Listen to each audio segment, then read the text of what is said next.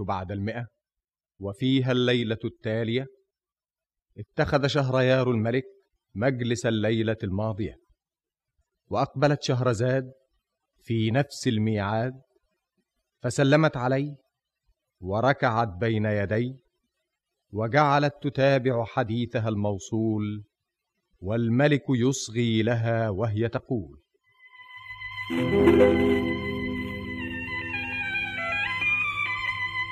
بلغني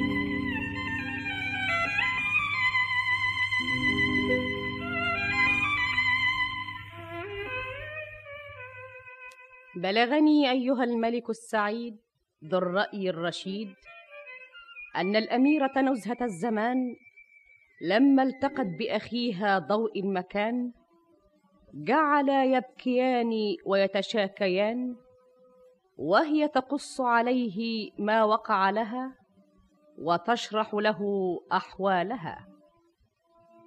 فلما أتمت مقالها التفتت إليه وأقبلت عليه وطلبت منه أن يشرح لها قصته ويحكي لها حكايته. فجعل الأمير يحدثها عما رآه وعاناه بعد أن يئس البدوي من شفائه ودواه وفي موقد الزبالة رماه وكيف عثر عليه عم كركوب الزبال وظل الركب يسير وفيه الأميرة والأمير يتذكران أيامهما ويتشاكيان فيبكيان ويضحكان حتى اشرفا على بلاد الملك النعمان. وإذا غبار يملأ الفضاء ويسد ما بين الأرض والسماء فتصايح الرجال واستعدوا للنزال. وقبل أن يلتقي الجمعان برز ضوء المكان إلى الميدان وصاح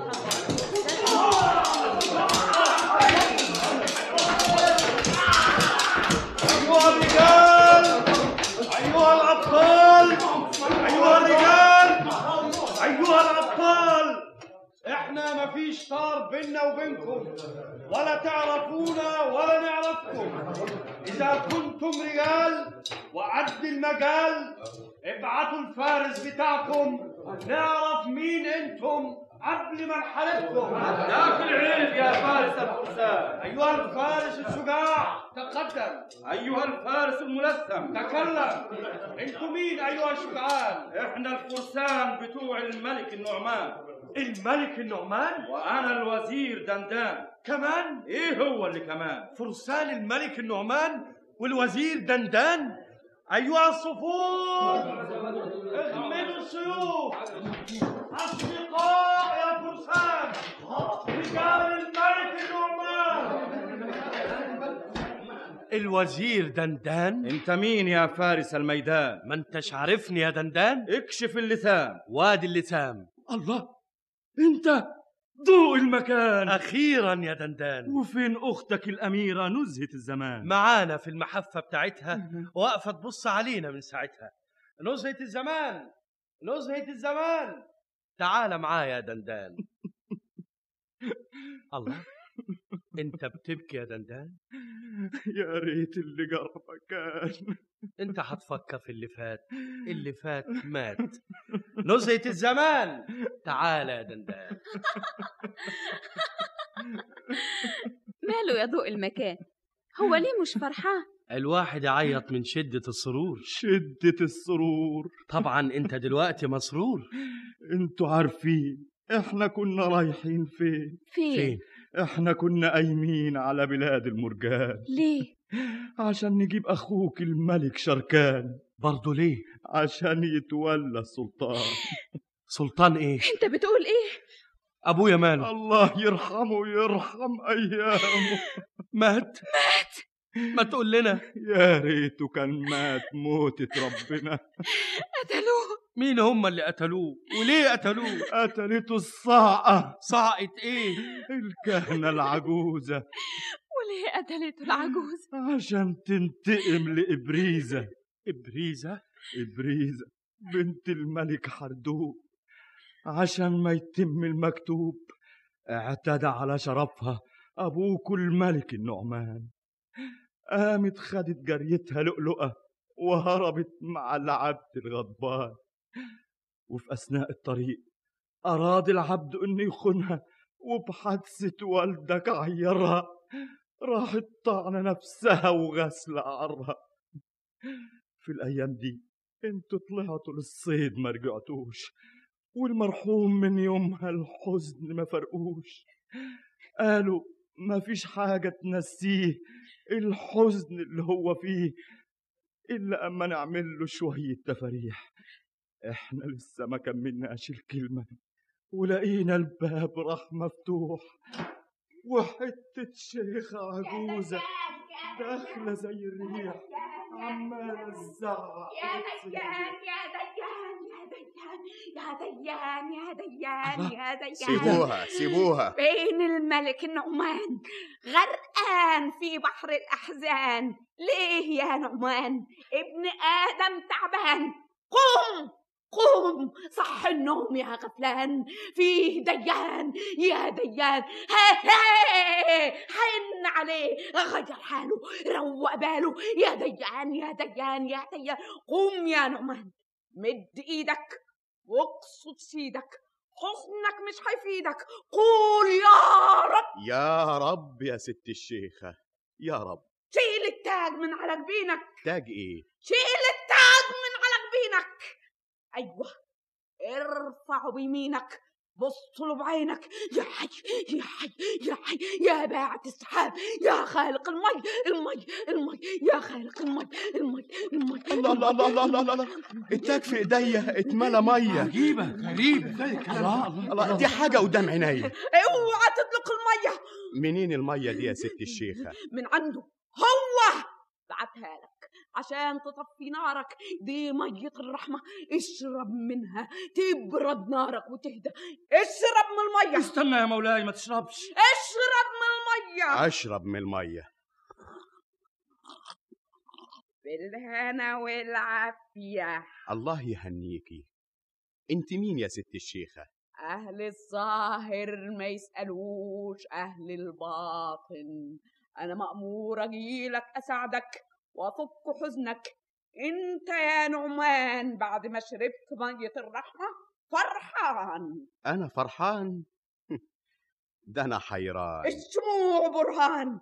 هات الشموع يا نعمان. يا دندان. مولاي. هات الشمعدان يا ديان يا ديان يا ديان يا ديان. سيبوا الشمعدان ابعد يا دندان شمعدان يا شمعدان يا شمعدان اسرق نفسك وبان يا خادم النور والنار والصبايا الحور. دور دور ولع النور. يا قدور يا قدور يا قدور يا قدور يا قدور. الشمع ولع ولع لوحده. حاجة ولا في الخيال. ربنا يجعلنا من بركاته. الشمع يولع من غير ما حد يولعه. أنت منين يا ست الشيخة؟ يا قدور يا قدور. قلت لك أهل الظاهر ما يسألوش أهل الباطن يعني ما قدور. نعرفكيش أكتر من إني جاية أساعدك مفيش أنا جايبة معايا خمس جواري. ها؟ خمس جواري؟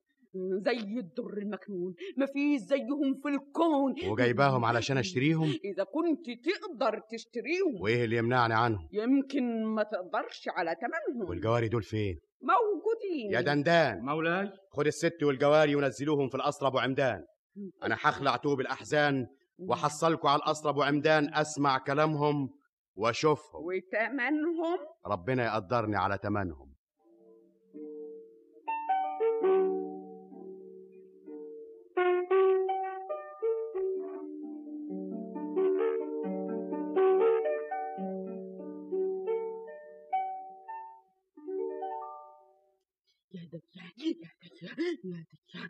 يا ست الشيخة.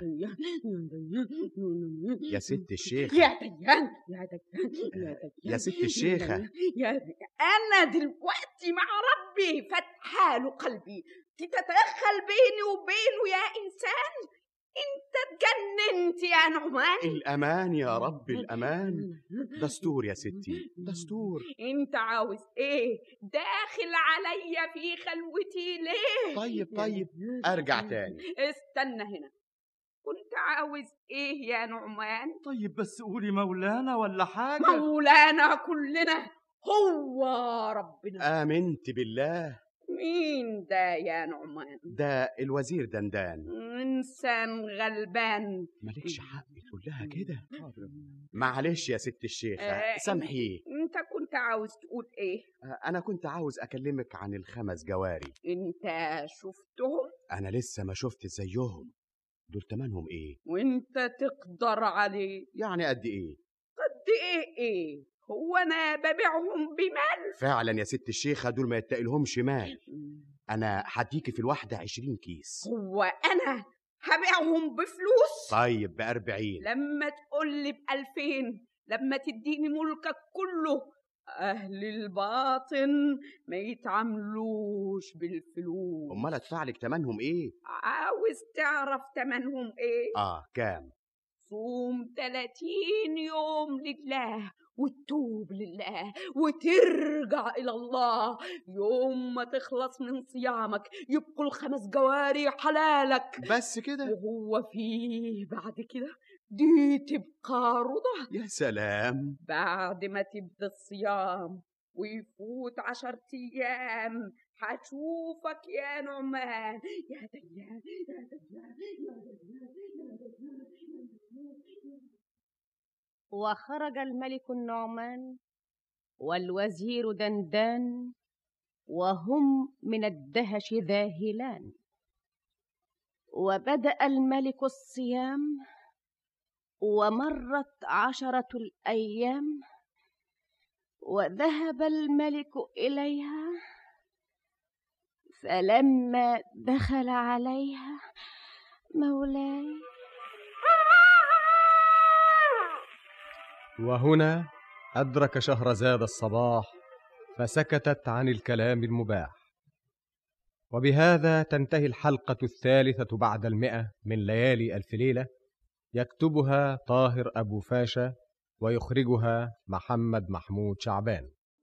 ولما كانت الحلقة الرابعة بعد المئة وفيها الليلة التالية اتخذ شهريار الملك مجلس الليلة الماضية.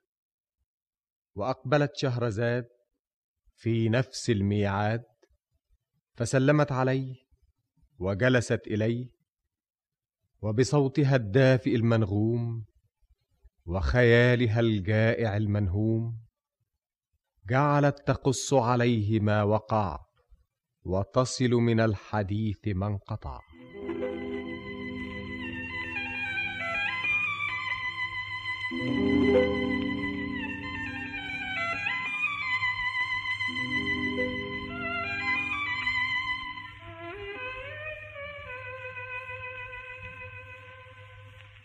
بلغني أيها الملك السعيد ذو الرأي الرشيد أن الملك النعمان ووزيره دندان لما ذهبا إلى قصر العمدان لشراء الجواري الخمس الحسان أفهمتهم العجوز أن هذا لا يجوز وأنه طلب شبه محال وأمنية عسيرة المنال تتقطع دونها أعناق الرجال. وأن هؤلاء الجواري لما حوينه من الجمال والأدب والكمال وحميد الخصال لا يقدرن بمال. ورفضت العجوز جميع الأثمان التي عرضها الملك النعمان ثمنا للجوار الحسان. وتكلمت عن عالم السرائر وذكرت أن أهل الباطن ليسوا كأهل الظاهر. فهم في عالم الأرواح والنفوس لا يتعاملون بالفلوس. كل هذا يا مولاي مما يرويه الوزير دندان للأمير ضوء المكان عن مصرع أبيه النعمان وكيف مال بعده الرجال وحال الحال قال إحنا بقينا مدهوشين. العجوزة دي مين الناس بقت تسأل عليها ويجوا علشان يتباركوا بيها. يلاقوها زي العادة غرقانة في العبادة. واللي زود دهشتنا إنها ما بتتعاملش بالمعاملة بتاعتنا. لما جبنا لها سيرة الفلوس برطمت ورطنت علينا وعيطت وخدتها الجلالة وفضلت على دي الحالة لحد ما اتفق معاها المرحوم يشتري منها الجواري بالتمن المعلوم. إيه التمن المعلوم؟ يصوم تلاتين يوم. المعاملة بتاعتها؟ صوم وصلاة ووجد ووله. بقت حكاية ومسألة. المهم اتفقت مع المرحوم بعد ما يبدأ الصيام ويفوت عشر أيام يبقى يقابلها ويتلقى البركات منها. ومشي المرحوم في الصيام. وفاتوا العشر أيام وخدني الملك النعمان ورحنا على القصر أبو عمدان. يا ديان يا ديان يا ديان يا ديان. إنت جيت يا نعمان؟ السماح يا أهل الصلاح. ادخل يا نعمان.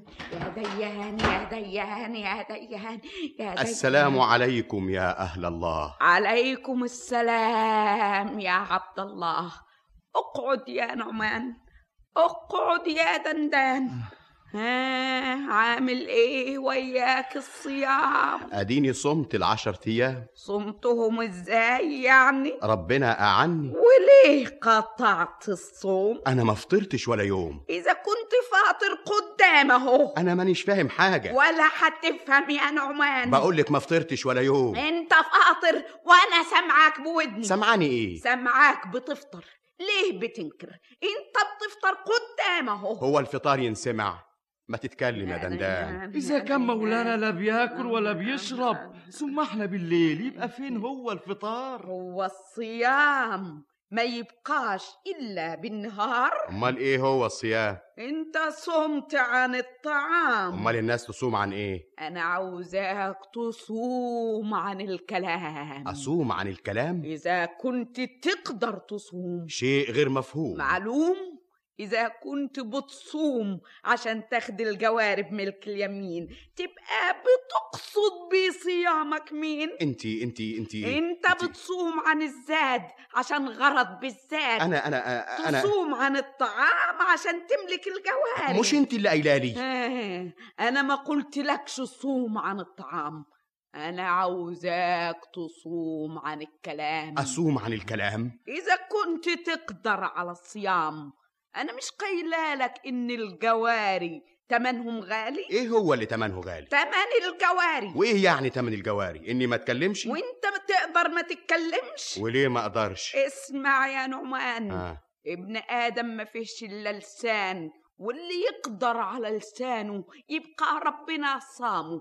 لو لسانك يصوم تبات بين الناس مكروم ومودتهم لك تدوم. إذا كان ده الصوم أصوم. أنا قلت لك تصوم 30 يوم ومادام عرفت معنى الصيام أنا مش عاوزة منك غير ثلاث أيام. خلاص انوي الصيام وبطل الكلام. ثلاث أيام. ثلاث أيام. تخش فيهم الخلوة وتقفلها عليك. وتفتح قلبك وتقفل عينك وتسبح في الملكوت. مفيش معاك زاد ولا قوت غير كيس الزبيب ده وأبريق المية ده. وبعد الثلاث أيام يرخص لك الغالي وتملك الجواري.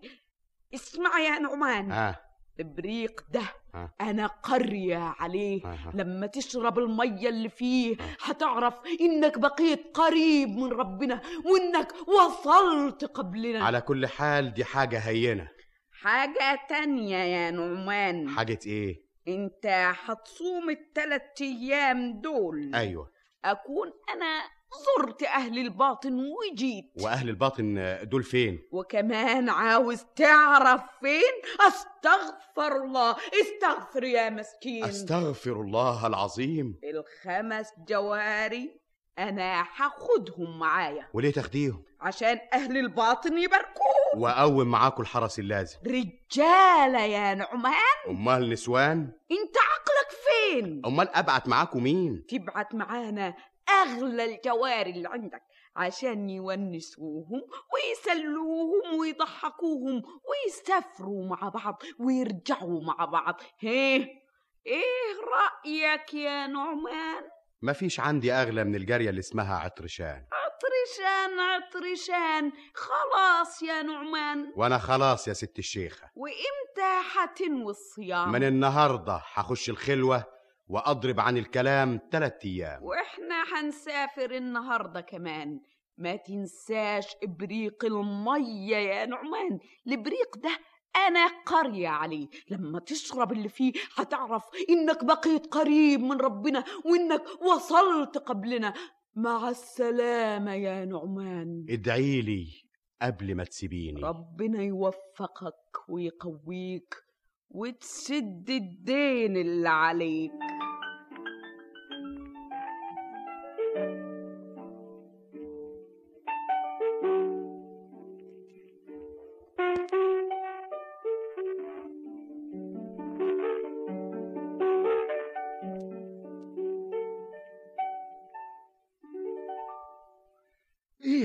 الحكاية. لسه لغاية دلوقتي ما فتحتوش الباب؟ ما هو تلات أيام. هم لسه ما فاتوش التلات أيام؟ الله أنتوا مش شامين الريحة دي ولا إيه؟ طب وإحنا نعمل إيه يا مولانا الوزير؟ ده أمر خطير. الريحة دي إيه؟ إحنا عارفين إيه. انت مستني إيه؟ اوعى كده ما تحوشنيش طب بس خبط بشويش. مولاي مولاي مولاي مولاي. مولاي مولاي مولاي. شفت إزاي؟ حاجة مخيفة. أنا من ساعة ما جيت شميت ريحة جيفة. فين الحجاب؟ يا حجاب افتحوا الابواب كل ده ومولانا مش سامع. الله دي ريحة مولانا. شامم دي ريحة مولانا. الله ده مولانا وارد. أنا مانيش فاهم. وأبريق المية محطوط. الله ده جواب مخطوط. كان الملك بيقرأه وهو بيموت. الجواب ده مين اللي كتبه؟ قول انت إيه اللي جابه هنا؟ في إيه يا مولاي الوزير؟ الله دي العجوزة اللي كاتباه عجوزة مين؟ ست الشيخة؟ ولا شيخة ولا حاجة دي الصاعقة الصعقة أم حرد ملك حردوب. ضحكت علينا كلنا وخدت الطار لبنت ابنها. إبريزة؟ إبريزة. تسمح نقرأ الجواب؟ نادي أول على الحجاب. يا حجاب!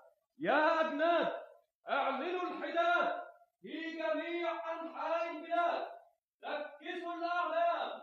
سبحان من له الدوام وتسامع الناس في كل مكان بمصرع الملك النعمان. وأعلن الحداد في جميع أنحاء البلاد. وانعقد الديوان وتقدم الوزير دندان فعرض الكتاب الذي وجدوه فلما قرأوه إذا هو من الصاعقة الماحقة أم الملك حردوب المكروب جدة الراحلة العزيزة إبريزة التي اعتدى عليها الملك النعمان فطرقته مطارق الزمان وحق عليه الموت والهوان. وتلك مصارع الطغاة ونهاية الطغيان. وقد بردت النار وأخذنا بالثار ولكل جبار جبار. فلما قرأوا الكتاب ووقفوا على الأسباب وعرفوا شخصية القاتل وفرغوا من هذه المسائل وقف الوزير دندان وأعلن أمام ال- مولاي. وهنا أدرك شهرزاد الصباح فسكتت عن الكلام المباح. وبهذا تنتهي الحلقة الرابعة بعد المئة من ليالي ألف ليلة يكتبها طاهر أبو فاشا ويخرجها محمد محمود شعبان. ولما كانت الحلقة الخامسة بعد المئة وفيها الليلة التالية اتخذ شهريار الملك مجلس الليلة الماضية وأقبلت شهرزاد في نفس الميعاد فتقدمت إليه وركعت بين يديه وجعلت تروي له وتقص عليه.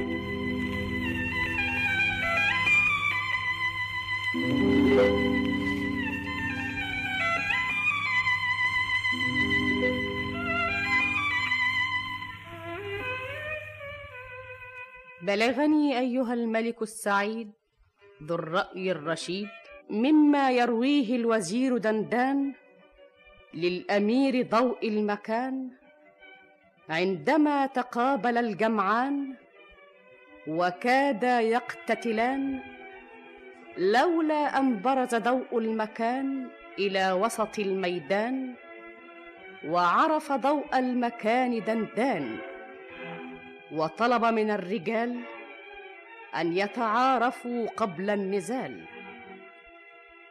فلما عرف دندان ضوء المكان وعرف ضوء المكان دندان تعانق الرجلان وفرح الأمير وبكى الوزير فلما سأله عما يبكيه عزاه في أبيه وقص عليه ما فعل الزمان وكيف قتل الملك النعمان وما جد بهم من الأهوال إلى أن قال إحنا اتقسمنا فريقين إشي في الشمال وإشي في اليمين.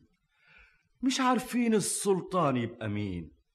إنت وأختك نزهة الزمان غايبين بقالكوا سنين. محدش يعرف حيين ولا ميتين. والأمير شركان ملك على بلاد المرجان. ثم مخفيش عليك أكتر الديوان كان ميال إليك. ليا أنا؟ أصل أنت غير أخوك. الناس هنا بيحبوك. ويكرهوا أخويا ليه؟ مش يكرهوه إنما يعني بيخافوه. وليه بيخافوا منه؟ من بأسه وشدته وعزمه وقوته. أنت ما سمعت زعقته؟ انت ما شفتش غضبته ودي حاجة تخوف؟ طبعا تخوف. تخوف الأعداء يا دندان. ما فيش حد ما يخافش من شركان. على كل حال أنت غلطان. غلطان. أخوك شركان انت ما شفتوش. وعشان كده ما تعرفوش. شركان أولى بالملك يا حضرة الوزير. انت بتقول إيه يا أمير؟ عشان هو أخويا الكبير. آه أنا قلت كده من الأول يا مولانا الأمير. أنتوا بعتوا لأخويا الخبر ولا أنتوا نايمين؟ إحنا لسه هو قايمين. إزاي الكلام ده؟ أخويا لغاية دلوقتي ما يعلمش إن والده مات؟ ضروري الحكاية فيها سر. قل لي. أقول لك إيه يا مولانا الأمير؟ إيه السر يا دندان؟ ولا سر ولا حاجة. إحنا بس كنا مختلفين. مختلفين على إيه يا دندان؟ مين اللي هيكون سلطان؟ ودي عاوزة خلاف يا دندان؟ مين غير أخويا شركان؟ راجع نفسك يا مولاي الأمير. أراجع نفسي في إيه؟ أنت تقدر تاخد الملك. إيه؟ تقدر تستولى على كل حاجة. أنت بتوقعني في أخويا ولا بتوقع أخويا فيا؟ دي خيانه يا دندان أنا أنا والله قلت كده من الأول يا مولانا الأمير. أنت تواصل المسير ما ترجعش معايا يا حضرة الوزير. تروح على بلاد المرجان وتقابل أخويا الملك شركان وتقول له إن إخواتك بيقولوا لك البقية في حياتك. هم بيعزوك فأبوهم وأبوك. أمرك يا مولانا الأمير. قول له يحضر في الحال ومعاه الجيوش والرجال عشان يستلم ملك أبوه ويقوم معانا ناخد الطار من اللي قتلوه. أمرك يا مولانا الأمير. مستني إيه يا حضرة الوزير؟ مفيش أنا هقوم في الحال. آه، بس في سؤال. سؤال إيه؟ إحنا قدامنا شهور وأيام على ما يرجع الملك شركان. ودي مالها دي يا دندان؟ البلد. هتقعد المدة دي من غير سلطان. أنا بالنيابة عن السلطان. أنا هحكم باسم أخويا شركان. في حاجة كمان؟ مفيش يا ملك الزمان. طريق السلامة يا دندان.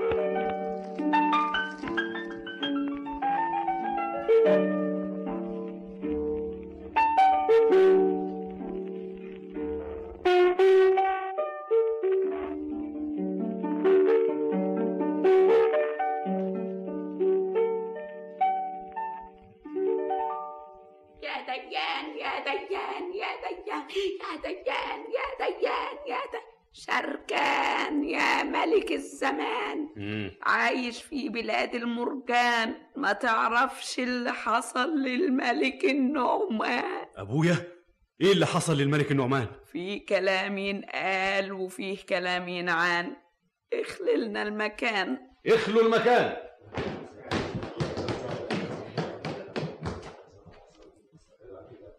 ادي إحنا أخلينا المكان. إيه اللي حصل للملك النعمان؟ قبل الكلام والإشارة أنا هقدم لك أمارة. اتفضل. الله خاتم الملك. الخاتم بتاع أبويا. وأمارة تانية. اتفضل. الله الخرزة. الخرزة التالتة. اديها للمرحوم مرحوم؟ أنت بتقولي إيه يا ست الشيخة؟ صعبان عليا الموت اللي مات. مات؟ إزاي؟ أنت بتقولي إيه؟ إزاي ما يبعتوليش؟ إزاي يبعتولك وهم قتلوه؟ وقتلوه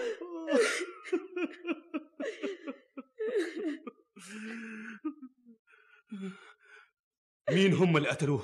ابنه من عطرشان ضوء المكان؟ عشان يستولى على السلطان. آه استولى على السلطان. وده كله آه. بقس من جده الملك كنعان. ليه يا ضوء المكان؟ ليه يا ضوء المكان؟ المرحوم كان يعتقد فيا ويعطف عليا ويثق بيا وهو على فراش الموت بعتلي ساعة ما دخلت عليه شاورلي وقال لي المرحوم إنه هيموت مسموم.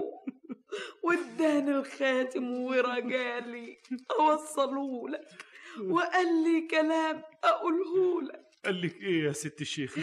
قال لي قول الشركان يتقدم ويقطع صباعه الأقدم. آه.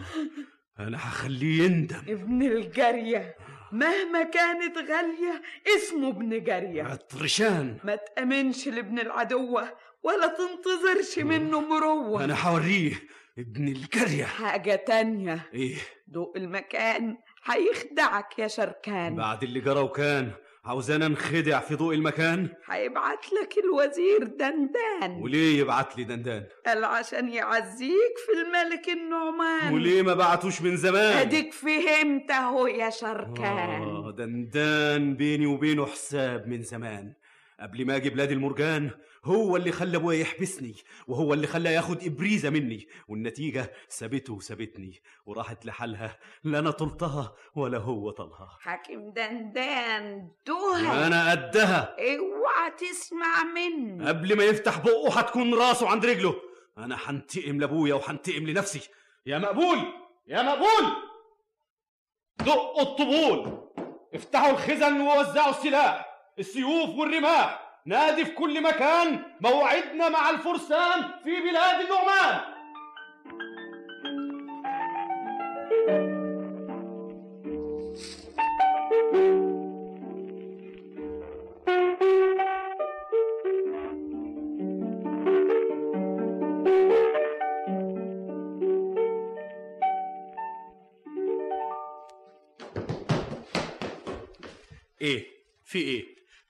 يا مولانا ال- ال- الجيوش هجمت علينا. جيوش إيه؟ إحنا عارفين دول إيه؟ إحنا واقفين على أبواب المدينة لقينا الغبار جاي علينا. فهمنا إنهم رجالتنا ما عملناش احتياطنا. شوية ودول هجموا علينا ونزلوا قتل فينا. والمعركة لسه دايرة؟ بتدور علينا. وهم فين دلوقتي؟ على أسوار المدينة. السيف والزرادية الحديد. اسبق أنت. قول للقائد يثبت وبلغ الجنود. أنا وراك في الحال. يوم النزال تبان الرجال. فين الفرسان؟ فين الشجعان؟ فين ضوء المكان؟ أنت أنت فارس ضوء المكان؟ مين أنت يا فارس الفرسان. أنا أنا اللي يعرفني يختفي ناسي واللي ما يعرفنيش أنا اعرفه بنفسي أنا سبع البوادي أنا قاتل الاعادي أنا مقطع من الوحوش أنا هازم الجيوش أنت قد كلامك. مكانك أنا هوريك مقامك. أنا أعلمك النزال. خد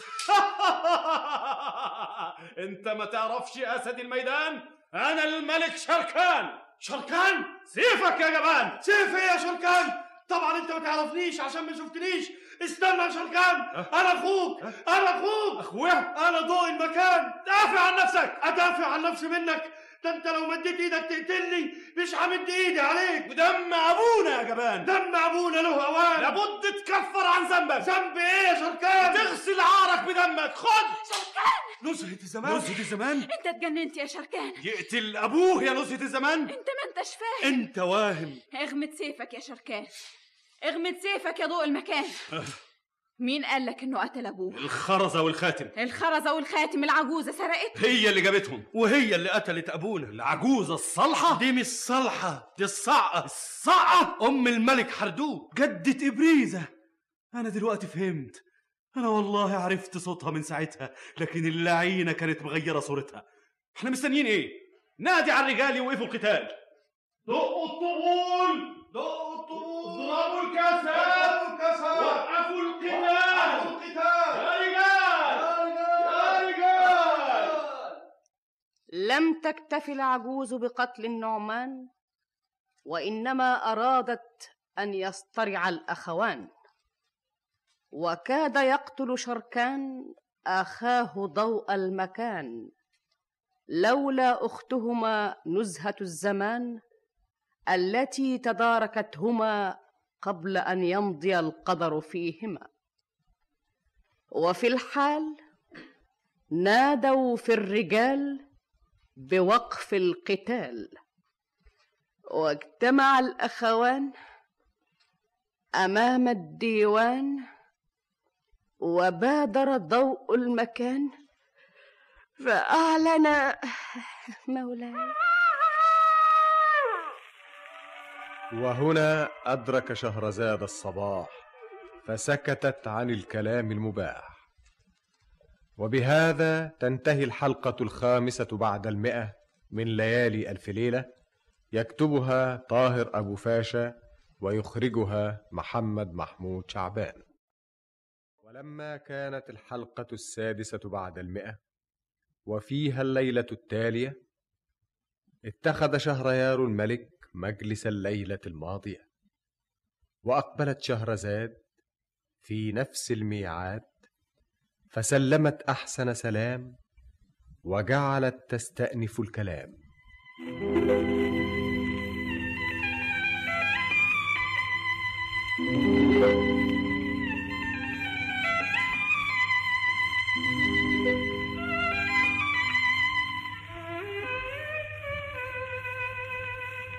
بلغني أيها الملك السعيد ذو الرأي الرشيد أن الملك شركان والأمير ضوء المكان ولدي الملك النعمان لما برزا إلى الميدان ووقفا يقتتلان تداركتهما أختهما وألقت بنفسها بينهما وحالت دونهما وكشفت الحقيقة لهما. وأمرتهما بإغماد السيوف وجمع الصفوف. فلما سمع شركان صوت أخته نزهة الزمان عاودته الأشجان وطالعه ما جرى وما كان وتذكر بنته قدر وكان. وعرف أن العجوز التي أوقعته في أخيه هي قاتلة أبيه وأنها الصاعقة أم الملك حردوب صاحبة الدواهي وصانعة الخطوب. وعندئذ مد يده إلى أخيه وأقسم له بدم أبيه. وتعانق الأخوان وجعلا يبكيان ودخلا مدينة النعمان وانعقد لهما الديوان. حتى إذا اكتمل الجمع وارهفوا السمع نهض ضوء المكان وأقبل على من في الديوان. يا أهل النعمان. يا أهل النعمان. يا أصحاب الديوان. يا وزر ويا أعيان. يا قواد الجنود. يا حراس الحدود. يكون معلوم للعموم إني أنا الصغير وأخويا شركان هو الكبير. وإني كنت وكيل وأخويا هو الأصيل. كرسي المملكة ولا حرب ولا معركة. أه. شركان اتفضل التاج والصولجان يا ملك الزمان. يا أهل النعمان يا أهل النعمان يا أصحاب الديوان. يا وزر يا أعيان يا قواد الجنود يا حراس الحدود. أنا شركان ابن الملك النعمان أشهد أمام الديوان إني تنازلت عن الملك لأخويا. شركان. ضوء المكان. أنا كنت غلطان. أنا بكفر عن غلطتي وبثبت لك حسن نيتي. شركان. الملك اللي كان هيفرق بينا هو اللي هيجمعنا إحنا ورانا مهام وأمور جسام. عاوزين الطار والانتقام. الموت للملك حردوب والعذاب للصعقه ضوء المكان.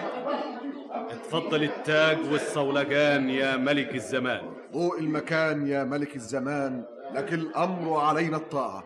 أؤمر بما تشاء ينفذ في الوقت والساعة. نادوا في البلاد الحرب والجهاد. حدد ميعاد. إحنا على استعداد. الرجال والخيول والجمال والسلاح والسيوف والرماح يعني جاهزين؟ ومستعدين. كل واحد يقوم يخلص شغله ويودع أهله ويجي يستلم السلاح ويستعد للحرب والكفاح. وإمتى الأيام؟ كفاية عشرة أيام. بعد عشرة أيام.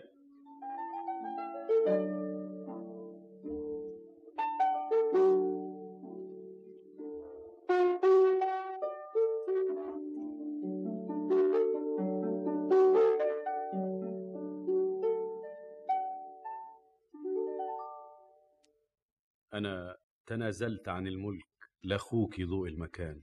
الملك للمالك يا شركان. أنا ما قابلتش الوزير دندان. لو كنت قابلته كنت قتلته. هو راح من طريق وأنا جيت من طريق والعجوزة خدعتني. أنا مش عاوز حاجة يا نزهة الزمان. أنا عاوز أشوف قدر وكان. مالك ومال قدر وكان. بنتي. قدر وكان مش بنتك يا شركان. بنت الحاجب الكبير. بنت الحاجب الكبير. وعامل إيه معاك الحاجب؟ الحمد لله. أنت تنسي بقى اللي حصل مني. لو نسيت قدر وكان تفكرني. الصبر طبيب. الجرح اللي في قلبي ملوش طبيب ومش ممكن يطيب. نزهة الزمان. سؤال. سؤال إيه؟ سؤال خايف اسألهولك ليه؟ انت انت قلت السر ده لضوء المكان. أيوه. ليه؟ ليه بس يا نزهة الزمان؟ ليه تجرحيه مش كفاية اللي إحنا فيه. كفاية إحنا الاتنين. أنا وضوء المكان أكتر من اخيه أنا قايم ومعايا أخويا. أخد بطار أبويا. قلبي حاسس إني ما عنتش هرجع تاني. وعاوزك قبل ما أمشي تكوني مسامحاني. أختي. سامحيني يا نزهة الزمان. ربنا يسامحك يا شركان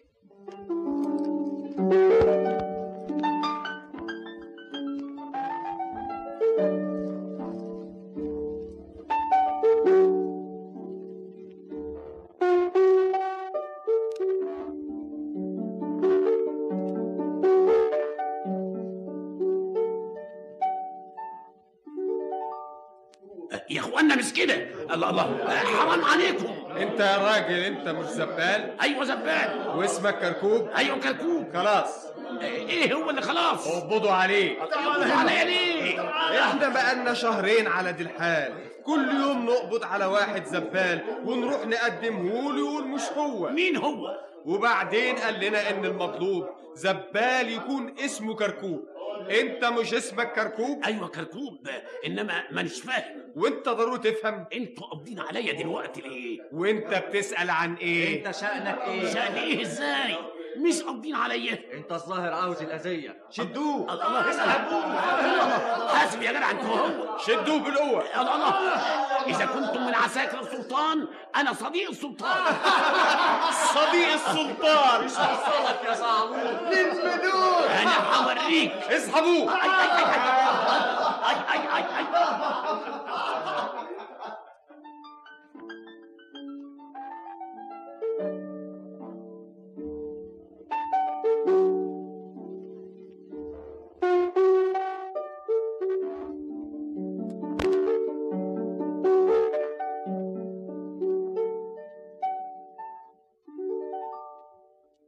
انت اتأخرت ليه يا ضوء المكان. أنا نازل حالا يا شركان. إزاي حال الجنود؟ ده حيكون يوم مشهود. أنا في الميمنة والبطاش في الميسرة. والجناحين. الزبال يا مولانا. أنتوا كل يوم تجيبوا لي زبال لما ورد عليا كل الزبالين؟ ما أنتوش عارفين اللي أنا عايزه مين. لكن اللي جبناه النهارده اسمه كركوب إيه؟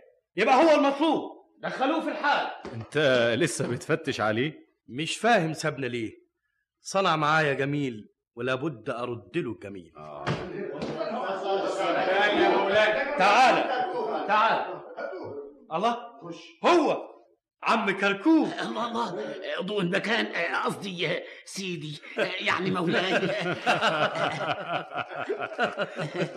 تعالى تعالى يا كركوب اقعد يا عم كركوب ده جزاء المعروف يا مولانا. إيه؟ الضرب والإهانة إزاي يضربوه؟ ضربوني وهنوني. ده أنا جايبك عشان أسدد لك ديوني. يعني جزاء الإحسان الضرب بالإقلام. سامع الكلام؟ ده مش تمام. اقعد يا عم كركوب اقعد. اقعد بس يعني يا أنت ليه هربت مني؟ مولانا اللي انشغل عني وكمان ما حبيتش أتقل نفسي. تتقل نفسك. هو الصانع الجميل يبقى عن ناس تقيل؟ أنا فين وهو فين؟ أنا كنت بفتش عليك كل يوم. على كل حال اللي يخف يعوم. قول لي قبله. إيه؟ أنت ليه ما طلبتش المقابلة؟ أصل الدنيا هبلة. أنا راجل زبال وعايش على قد الحال. شوف أنا لابس إيه؟ الإنسان مش بالتياب. لكن أنت سبحان العاطي الوهاب إيش جاب لي جاب؟ أنت فاهم إني هتضايق منك؟ أنا بعيد عنك. معروفك يقربك وعملك يرفعك. عم كركوب أنا مديون وعايز أوفي الديون. فين خالتي كركوبة؟ موجودة. وعايش إزاي يا عم كركوب؟ الحمد لله. ربنا مبحبحها عليا حاكم كار الزبالة كيمياء. آه اسمع يا عم كركوب. أيوة. انت من دلوقتي من الحاشية بتاعتي. زبال وابقى في الحاشية بتاعتك وإزاي أكون في وسط رجالتك؟ أنا هبعت معاك الرجال والأعوان يحملوا خالتي كركوبة على القصر أبو عمدان. إيه آه، ال- آه، القصر أبو عمدان؟ وأنت هتقوم معانا. على فين؟ تحارب معانا. أنا مش بتاع حرب ولا أفهم في الطعن ولا أعرف في الضرب. إحنا قايمين نحارب الملك حردوب وأنا متبارك بيك يا عم كركوب. أنا عاوز أقول آه، اضربوا الطبول حضروا الخيول شدوا الرحال. نادوا الرجال للحرب والنزال وتحركت الجيوش كأنها الوحوش بحار من الرجال والحديد تسيل بها البيد. وعلى رأسها الملكان ضوء المكان وشركان. وسار معهما الزبال كركوب حتى اقتربوا من بلاد الملك حردوب مولاي. وهنا أدرك شهرزاد الصباح فسكتت عن الكلام المباح. وبهذا تنتهي الحلقة السادسة بعد المئة من ليالي ألف ليلة يكتبها طاهر أبو فاشا ويخرجها محمد محمود شعبان. ولما كانت الحلقة السابعة بعد المئة وفيها الليلة التالية اتخذ شهريار الملك مجلس الليلة الماضية وأقبلت شهرزاد في نفس الميعاد فسلمت عليه وقبلت الأرض بين يديه وجعلت تقص عليه ما وقع وتصل من الحديث ما انقطع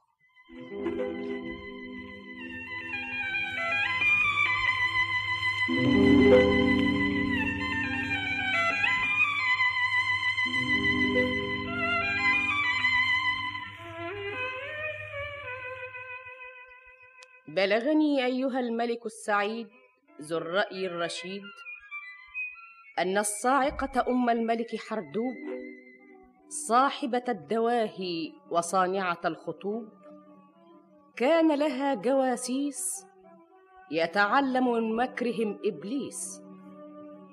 فلما سمعت منهم أن الجيوش مقبلة عليهم وأنهم سيكتوون بنار الحروب أسرعت إلى ولدها الملك حردوب ونظرت إلى من حوله من الأعوان وطلبت إخلاء المكان.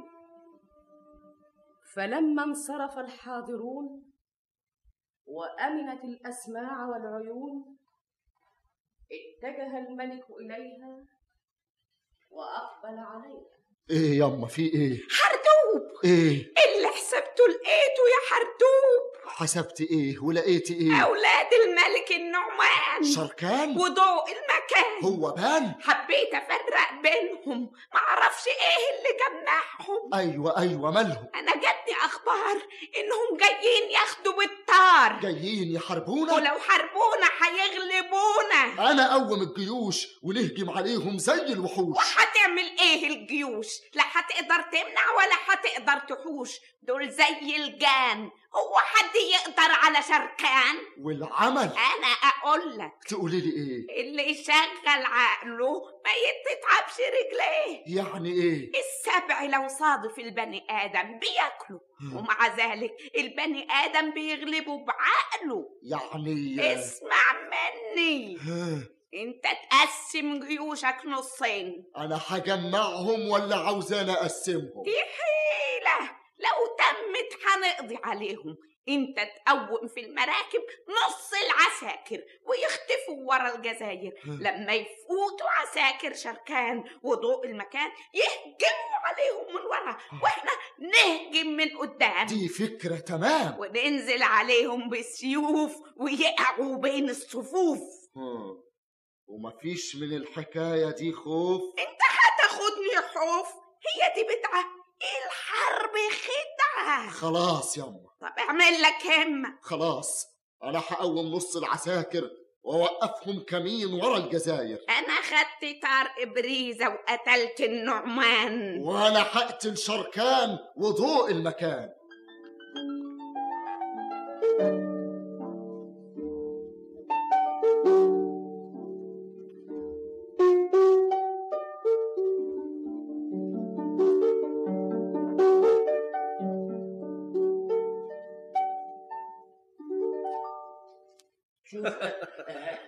يا مولانا يخلصك كده يا مولانا. عم كركوب يرضيك يا مولانا. إيه هو اللي يرضيني يا عم كركوب ما انت شايف ملبسيني إيه؟ وعاملين معايا إيه؟ إيه؟ الحديد اللي عليا. دي الزرادية. زرادية إيه وبتاع إيه؟ طب السيف ده لزومه إيه؟ سيف عاطينهولي أعمل بيه إيه؟ تضرب الأعداء بيه. إيه إيه, إيه؟ وتخلي دمهم يجري على الأرض. إيه الكلام ده جد؟ وعين الجد. لكن أنا مش معادي حد. أمال جاي معانا تعمل إيه؟ أنا ما جيتش أنتوا اللي, اللي جبتوني. اللي حصل إنك جيت يا عم كركوب يا سيدي احرم أتوب. هو أنا بتاع حرب ولا أفهم في الطعن والضرب. مالي أنا ومال الحرب والنزال. أنا راجل زبال. ما تقولش كده احسن يسمعوك الرجال ده أنا أقول لهم بعلو حسي كمان. أنا زبال. زبال. أنا زبال. الله الله. إيه الزعيق ده يا ضوء المكان؟ تعال يا شركان. الحقني يا ملك الزمان. عم كركوب. تعال. عم كركوب. سيفك يا فارس الميدان؟ الميدان؟ ده أنا غلبان. تقدر تقول لي ملبسني ليه اللبس ده ومسكني السيف كده؟ عشان تقتل بيه العدا؟ أنا لا بعادي حد ولا حد بيعاديني. ده أنا بقول يا حيط غداريني. ما تقولش كده يا عم كركوب. ده أنت بطل من الأبطال. أقول لكم زبال تقولوا لي بطل من الأبطال. وجيت معانا ليه أمال؟ أهو ده السؤال. أنا جيت معاكم عشان أسليكم و وشاور عليكم شاور علينا شاور علينا بإيه؟ أنا أقول لكم إيه. الله الله ده هيقول بجد. طيب يا عم كركوب ورينا فن الحروب. إحنا داخلين على بلاد ما نعرفهاش. لو دخلناها مرة واحدة هنروح بلاش. إيه إيه؟ بتقول إيه يا عم كركوب إحنا نقسم الجيوش نصين. ها. نص يقوم أوام. والنص التاني يفضل هنا تلات أيام. كويس. وبعد التلات أيام يحصلنا. مم. إذا جرالنا حاجة يبقى ما وقعناش كلتنا. ويبقى هو اللي ينجدنا. ضوء المكان. أنت سامع يا شركان؟ دي خطة سليمة مية في المية. دي طريقة فنية. قريتها فين دي يا عم كركوب عرفتها منين؟ اللي قال لك عليها مين؟ اللي قال لي عليها واحد فرارجي. إيه فرارجي؟ إلا فرارجي. آه أيوه فرارجي وكان اسمه عمك عبد المنجي. وش عرف الفرارجي بالحروب؟ كان يقول لي اسمع يا ابني يا كركوب مم. إذا كان عندك بيض وخايف عليه ما تحطوش في قفص واحد. ليه؟ قال علشان لما يتكسر منه ما يتكسرش كله. سامع يا ضوء المكان؟ إزاي الفكرة دي فاتتنا يا شركان؟ أنا هنفذها في الحال. هقسم الجيوش والرجال النص يشدوا الرحال والنص ينصبوا الخيام ويحصلونا بعد ثلاث أيام.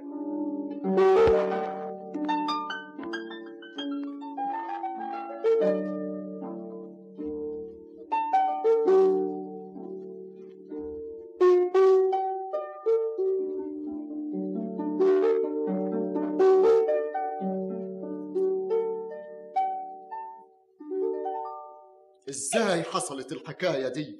دي ما كانتش شورى دي خسارة كبيرة. ده حيرة نص الجيش نقدمه لهم عشان يقع بينهم ويروح دهان. ما ينجاش منه ولا إنسان. مش قلت لك محدش يقدر على شركان؟ ده إحنا لما نكون متفقين وياهم ما تجيش الحكاية بالظبط كده معاهم. اللي خطر في بالنا خطر في بالهم. لما قسمنا الجيوش هم كمان قسموا جيوشهم. ساعة ما هجمت جيوشنا وراهم هجم النص التاني عليهم. والكمين اللي عملناه وقع في الكمين وهجموا عليه زي المجانين. وفضلوا نازلين ضرب وطعن فيه لما خلصوا عليه. يعني الخطة بتاعتك انقلبت علينا. السهم اللي رميناه جه فينا. وأقول لك ما فيش فيها خوف. تقولي لي هتاخدني خوف. أصل الخطة انت لسه هتقولي لي خطة. ياخدونا أونطة ويروح نص الجيش من أول خبطة. مولاي مولاي مولاي الملك حردوب في إيه يا سلهوب؟ أنا هتجنن النار النار. أنا شاعر بالعار. إيه؟ في إيه؟ الأعداء بقوا عند الأسوار. يا ستار! وعملتوا إيه؟ سيبنا عليهم مياه الأنهار. وليه ما أشعلتوش النار؟ نشعل النار. أنا هنزل الميدان بنفسي ابعت لي الحداد يلبسني شفتي وصلنا لفين يما ربنا يكشف الغم اسمع عم أقول لك. ما تقوليليش. أنا هنزل بنفسي في المجال وهطلب شركان للنزال. إذا قتلني تنتهي الحرب ويبقى غلبني. وإذا قتلته تنتهي الحرب وابقى غلبته. ده الحل اللي شفته. مفيش حل تاني.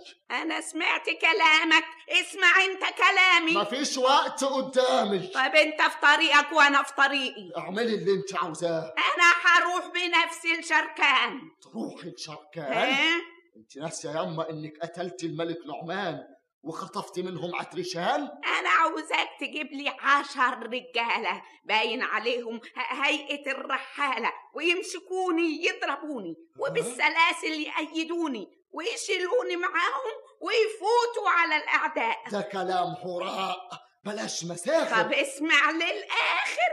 وبعد ما يضربوكي ويربطوكي ويشيلوكي وعلى الأعادي يودوك. ساعة الأعداء ما يشوفوهم هيقوموا عليهم ويقوموا يفهموهم إنهم تجار وإنهم وجدوا الراجل صالح أسير عند الكفار. قاموا خلصوه من أذاهم وخطفوه منهم وجابوه معاهم. في الساعة دي شركان هيقول فين الشيخ ده؟ يروحوا مقدميني له.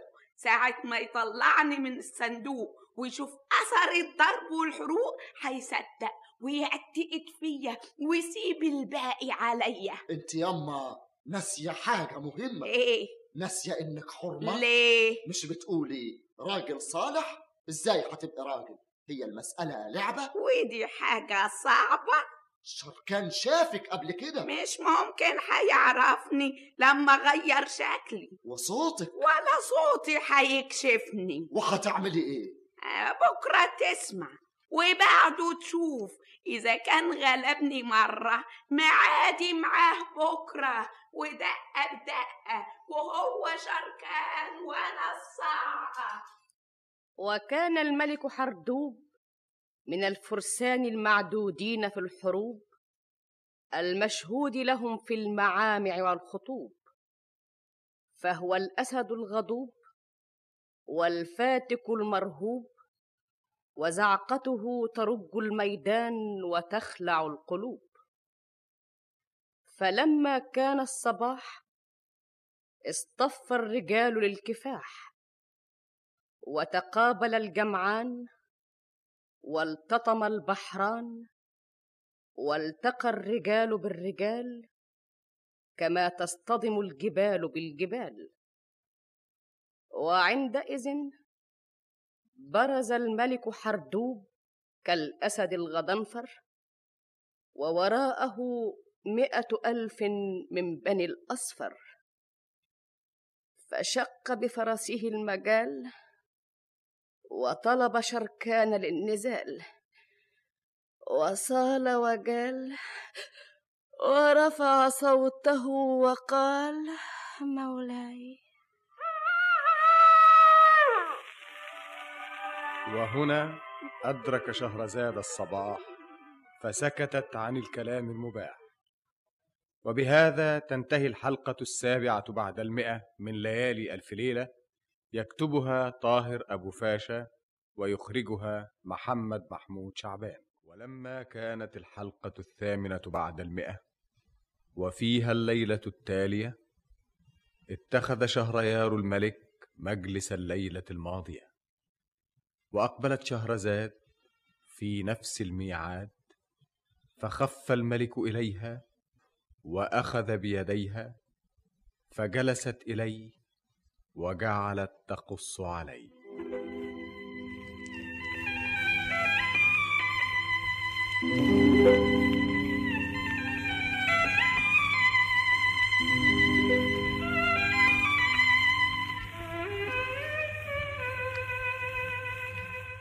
بلغني أيها الملك السعيد ذو الرأي الرشيد أن الملك ضوء المكان وأخاه الملك شركان أسد الميدان وسيد الفرسان.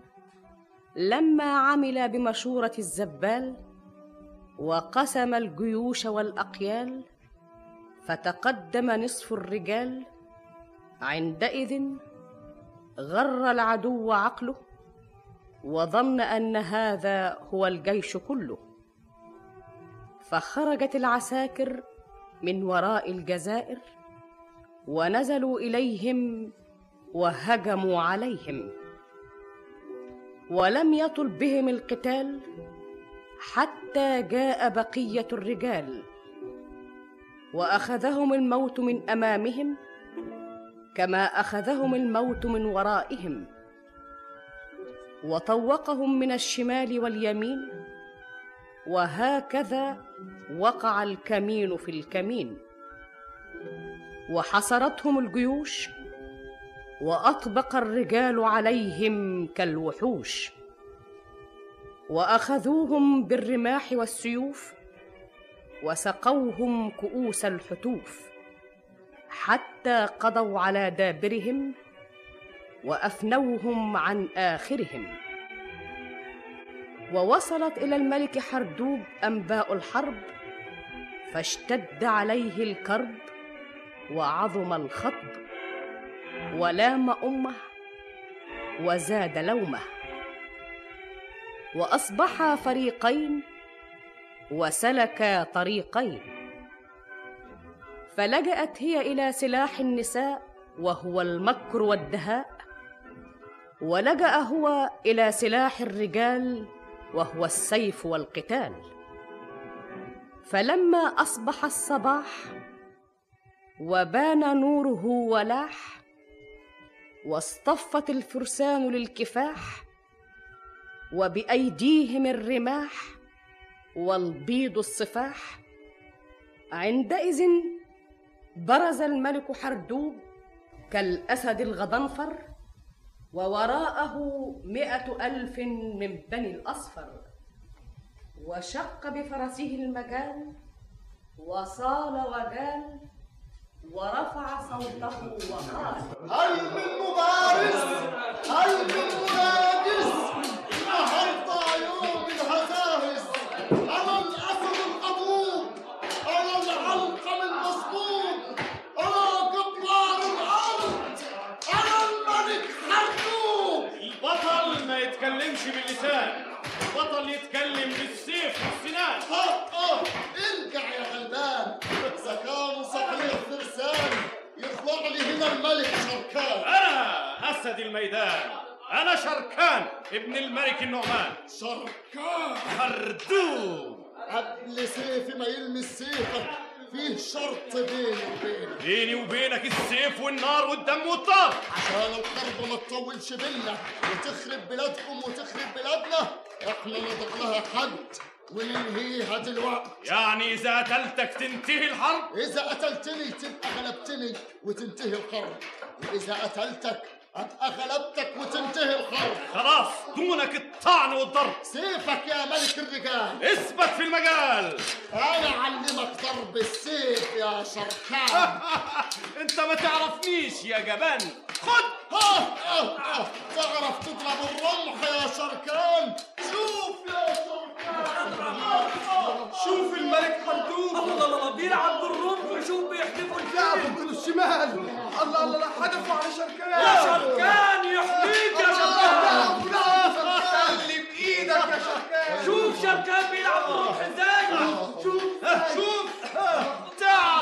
تلعب بالرمح يا حردوب انت لو كنت فارس صحيح ما كنتش خليتهم يبعتوا فارس وراه فارس ورايا؟ شوف فين؟ خد. شركان! قتلوا الجبان قتلوا حردوب ضربوا الحرب إزاي؟ شركان! شركان! شركان! شيلوا جثة أخويا من الميدان شيلوا جثة أخويا من الميدان وانت تعال هنا يا جبان أنا الملك حردوب وأنا ضوء المكان. أخو شركان آه آه آه انت غشيت اخويا وخدعته خليته يبص وراه وغدرته انت نزل انت جبان أنا هخليك تحصله أنا أوريك إزاي تقتله. أنت ابن عطرشان. أنت ابن الصعقة. ضوء المكان. خد ضوء المكان! خد ضوء المكان!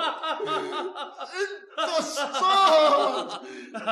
دورك انت بقى يا حردوب. طار أبويا النعمان. خد! قتلتني! طار اخويا شركان. خد! آه. اطمئن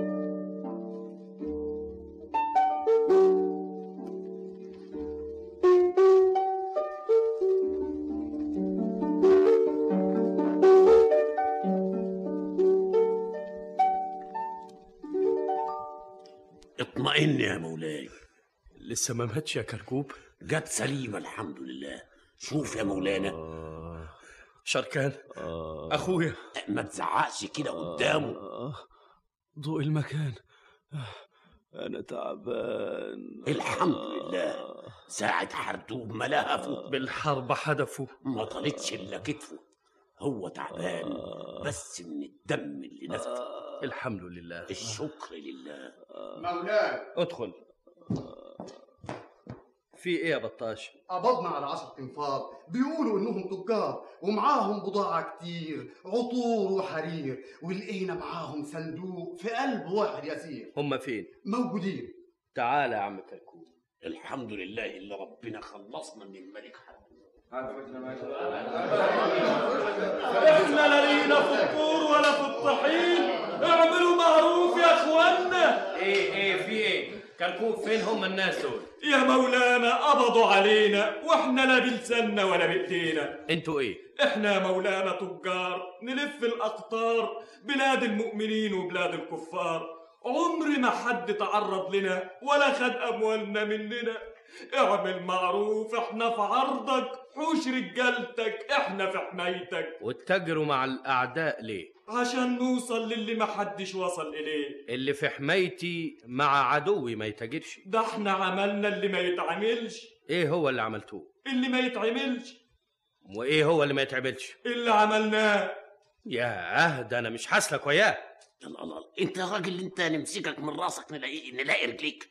الله ما تقف كويس وتتكلم عدل إيه هو اللي يتعمل وإيه هو اللي ما يتعملش؟ أنت ليه بتحب الندش أنت ليه نازل هدش استنى أنت يا عم كركوب. أنتوا من بلاد الملك حردوب إحنا إحنا إحنا ما تتكلم يا بجم. إحنا تجار العجم وحالنا عدم. بقالكوا في البلاد دي كام؟ ما بقالناش تلات أيام.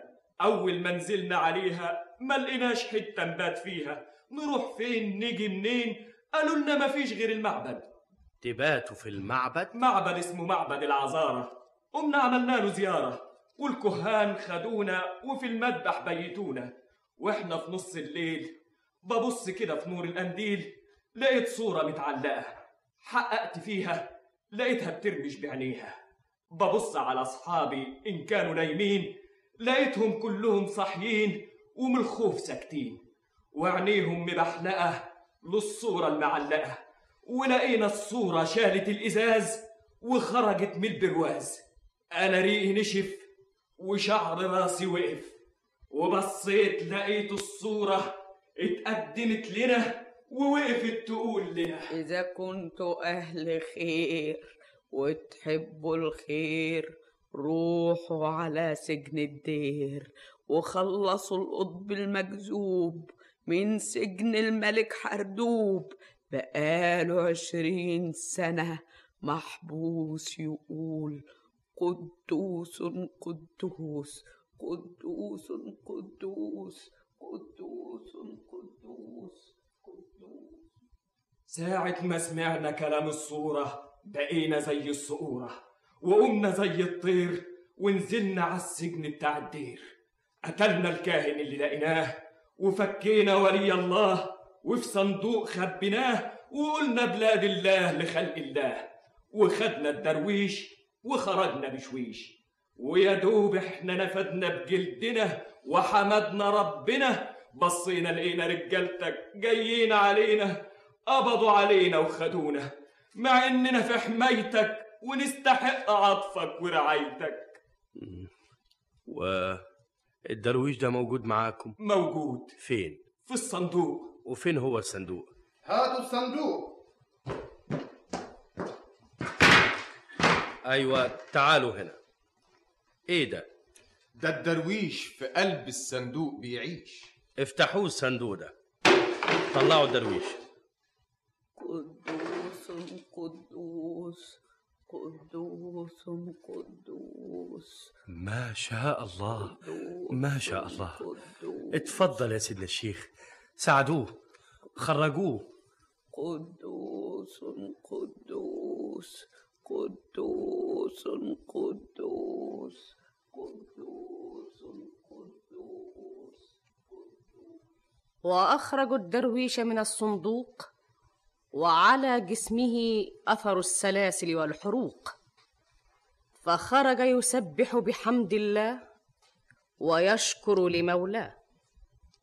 وتسابق إليه القواد وتزاحم عليه الأجناد يلتمسون منه الدعوات ويقبسون منه البركات.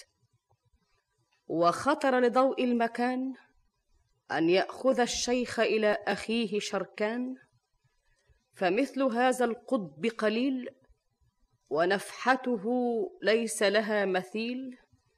ودعوته تنفع العليل. فأخذه ضوء المكان ودخل على أخيه شركان مولاي.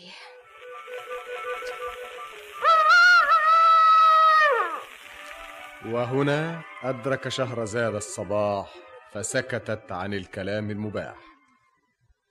وبهذا تنتهي الحلقة الثامنة بعد المئة. من ليالي ألف ليلة يكتبها طاهر أبو فاشا ويخرجها محمد محمود شعبان. ولما كانت الحلقة التاسعة بعد المئة وفيها الليلة التالية اتخذ شهريار الملك مجلس الليلة الماضية. وأقبلت شهرزاد في نفس الميعاد فسلمت أحسن سلام وجعلت تستأنف الكلام.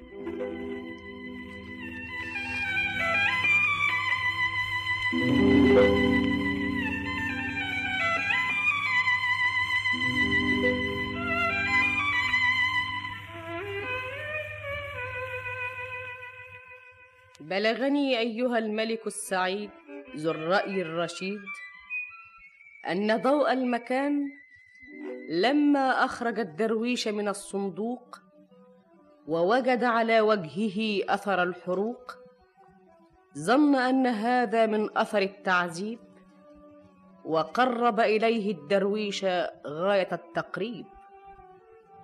ولم يخطر له ببال أن هذا الدرويش دجال وأنه ليس إلا الحية الرقطاء والعجوز الشمطاء.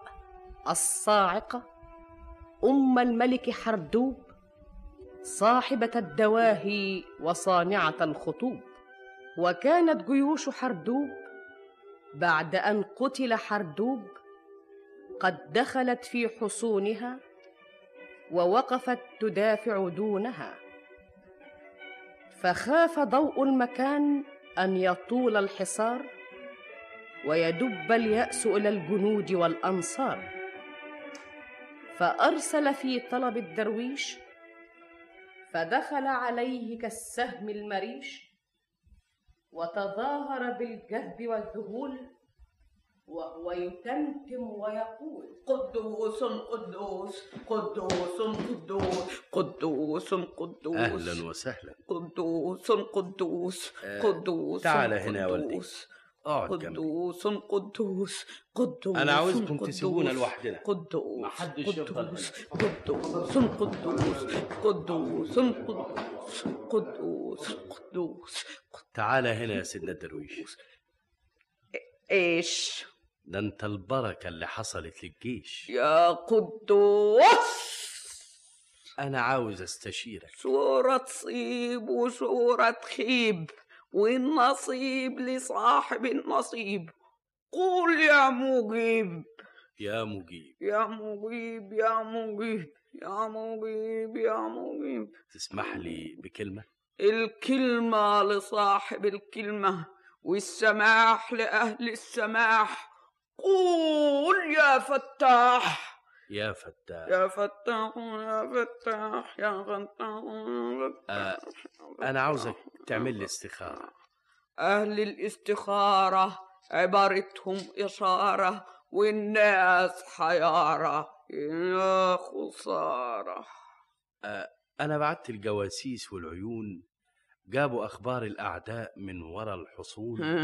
وعرفت إن إحنا ما نقدرش نجيب دخهم ما دام ما انقطعش دماغهم. غير الملك بتاعهم؟ الملك بتاعهم ما كانش حاجة. أمه هي كل حاجة. مم. هي اللي جمعاهم وورا الأسوار محصناهم لو ما كانتش هي عليهم كانوا استسلموا ورفعوا إيديهم. الصعقة العجوزة الحرباية هي اللي رفع الراية. كل شيء وله نهاية. قتلت أبويا وخطفت أمي وهي النهاردة اللي بتحاربني. ونويت على إيه يا ابني؟ الجواسيس والعيون عرفوني أوضاع الجيوش بتوعها من ورا الحصون. إزاي؟ الصعقة فاهمة إن إحنا عارفين إن السور من ناحية البحر متين ومن ناحية الجبل ما يستحملش حاجة. عشان كده موقفة كل جيوشها في الناحية الغربية. عند الجبل والناحية البحرية تحميها الأسوار والمية. وأنت تعرف يا سيدنا الدرويش إن الأسوار من غير جيش ما تصدش جيش. ده كلام دراويش ولا الكلام ده ما يمشيش؟ إزاي ما يمشيش؟ أنا عقدت النية من بكرة الصبحية ههجم من الناحية البحرية. آه تسيب الناحية الضعيفة وتهجم على الناحية القوية. ما هو ما فيش فيها عساكر بالكلية. أنا مش عاوز منك استشارة أنا عاوزك تعمل لي استخارة. أهل الاستخارة عبارتهم إشارة. أنت تأجل هجومك على الأعادي أما نام الليلة وأشوف الأسياد هيقولوا لي إيه. وأجي بكرة أقول لك عليه. خد. خد. مد إيدك. ما تبصليش.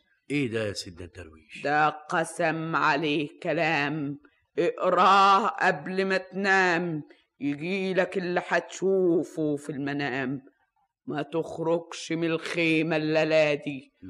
قول يا هادي. يا هادي. يا هادي يا هادي يا هادي يا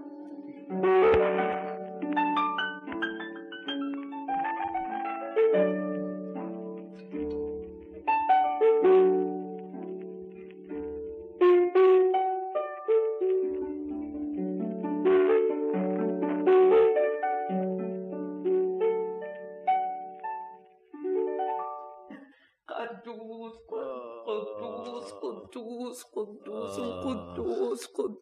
قدوس قدوس شركان سيدنا الدرويش إيه اللي جابك في عز الليل؟ اللي جابني في عز الليل؟ الهم الطويل؟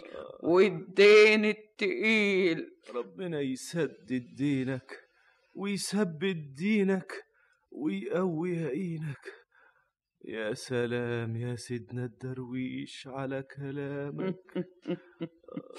شركان سيدنا الدرويش. انت ما تعرفنيش. ما اعرفكش إزاي يا سيدنا الدرويش؟ كتر خيرك. جاي في نص الليل تطل عليا وتخفف اللي بيا. احكي لي يا سيدنا الدرويش سليني اسليك ولا السلة بيك اللي يرضيك. طب اسمع يا شركان. كان يا مكان ملك من ملوك زمان. حياته كلها نسوان لدرجة إنه اعتدى على بنت ملك زيه. لما راحت عنده. وكان للبنت دي جدة معروفة بالمكر والشدة. ساعة الخبر ما جاها خدت خمس جواهر معاها. وقامت على الملك إياه. ساعة ما شافهم عقله تاه وفضلت تلعب معاه. مرة تصومه ومرة تفطره ومرة تنسيه ومرة تفكره وفضلت تلعبه بالخمس جواري لما سقته السم الهاري. أنا عارف دي الحكاية. طب اسمعها للنهاية. النهاية. النهاية. أولاد الملك ده لما أبوهم انقتل قاموا بالعجل عشان ياخدوا بالطار ويدخلوا الديار ويشعللوها النار ويغسلوا العار. دي حكايتنا يا سيدنا الدرويش. ما تقاطعنيش. وفعلا دخلوا الديار وقتلوا الملك الجبار وحرقوا قلب أمه عليه وعلى بنته. تعمل إيه الأم لما يتلوع قلبها على الولد وولد الولد؟ قول لي تعمل إيه؟ تعمل إيه؟ غيرت هيئتها وشوهت سحنتها وراحت لهم على الجيش في هيئة درويش. درويش؟ أيوه درويش. أنت أنت. أنا الصاعقة الصاعقة. أنا أم الملك حردوب أنا الصاعقة العجوزة. أنا جدة إبريزة. بريزة دارت الأيام. وجت ساعة الانتقام. شركان مرمي قدامي عيان. لا حراس ولا أعوان. أنا هقتلك دلوقتي. ابنك كان عاوز يقتلني غدر في الميدان وانتي تقتليني غدر وأنا راقد عيان. أنا دلوقتي همض عليك. بص للخنجر بعينيك وبكرة همضي على أخوك. في آخر ساعاتك من دنياتك هقول لك اللي هيحصل بكرة عشان تموت بحسرة. أخوك بعت لي علشان. عشان أعمل له استخاره مفيش حارس. عاوز. يعمل بكره ظلام. يهجم على البلد من الجهة. البحرية. وباب عرف مفتوح. إني مفيش عساكر بالكلية. إيه ده؟ أنا هخليه يهجم من الناحية البحرية. بعد ما أديهم إخبارية. ده أنا ميت الخوف. يغيروا فين السيف؟ مكانهم ويسيبوا الناحية الغربية. ويحصروا بيوتهم بين الأسوار والمية. أنا أجلت أخوك لبكرة بالنهار. على ما مضي عليك. وابعت لجيوشنا الأخبار. آه. انت جنية. والجن ما يحصلونيش. شفت بقى الدرويش لكن أنا شخصيا ما اذيتكيش ما يهمنيش. أنا أنا اللي دوخت الملوك. أموت على فرش ما عرفتش قل نوحك وتشاهد على روحك. دم ابني ودم بنت ابني يا منتقم الله الله الله أنا قتلته. الله ده أنا قتلت الدرويش. أنت مغشوش. ده ما كانش درويش. دي الصعقة يا عم كركوب. ام الملك حدوب. آه. الله ده أنا قتلتها. وخلصتنا من شرها. قتلت أبويا وكانت هتقتلني. دخولك عليا هو اللي أنقذني. مش بس كده دي, دي عاملة مقلب للجيش كله. هاتولي أخويا ما أقول له. الله الله ده, ده في جواب في ايدها خدوا منها. هات لي أخويا أوام. ضوء المكان ضوء المكان ضوء المكان. وفي الحال انطلق كركوب الزبال ودخل على ضوء المكان فلما سمع بهذا ضوء المكان أسرع إلى أخيه شركان. واجتمع الأخوان وعندئذ تقدم كركوب وقدم لهما المكتوب الذي كتبته الصاعقة قبل موتها فلما قرأه. مولاي وهنا أدرك شهرزاد الصباح فسكتت عن الكلام المباح وبهذا تنتهي الحلقة التاسعة بعد المئة من ليالي ألف ليلة. يكتبها طاهر أبو فاشا ويخرجها محمد محمود شعبان. ولما كانت الحلقة العاشرة بعد المئة وفيها الليلة التالية اتخذ شهريار الملك مجلس الليلة الماضية وأقبلت شهرزاد في نفس الميعاد فتقدمت إليه وركعت بين يديه وجعلت تروي له وتقص عليه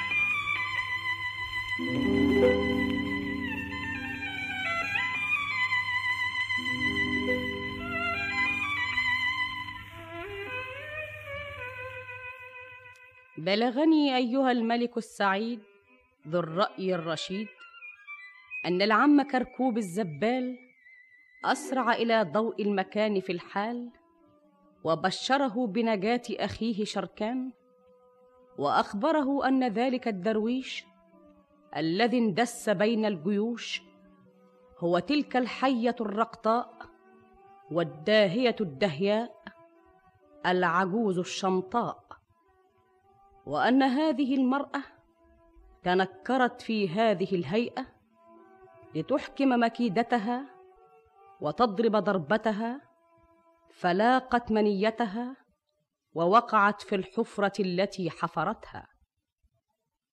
وبلغ الدهش من ضوء المكان ما لم يبلغه من إنسان وأسرع إلى خيمة أخيه شركان.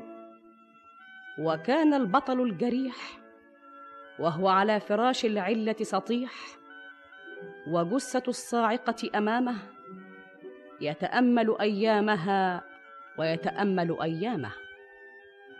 فتذكر صراعها وتذكر خداعها.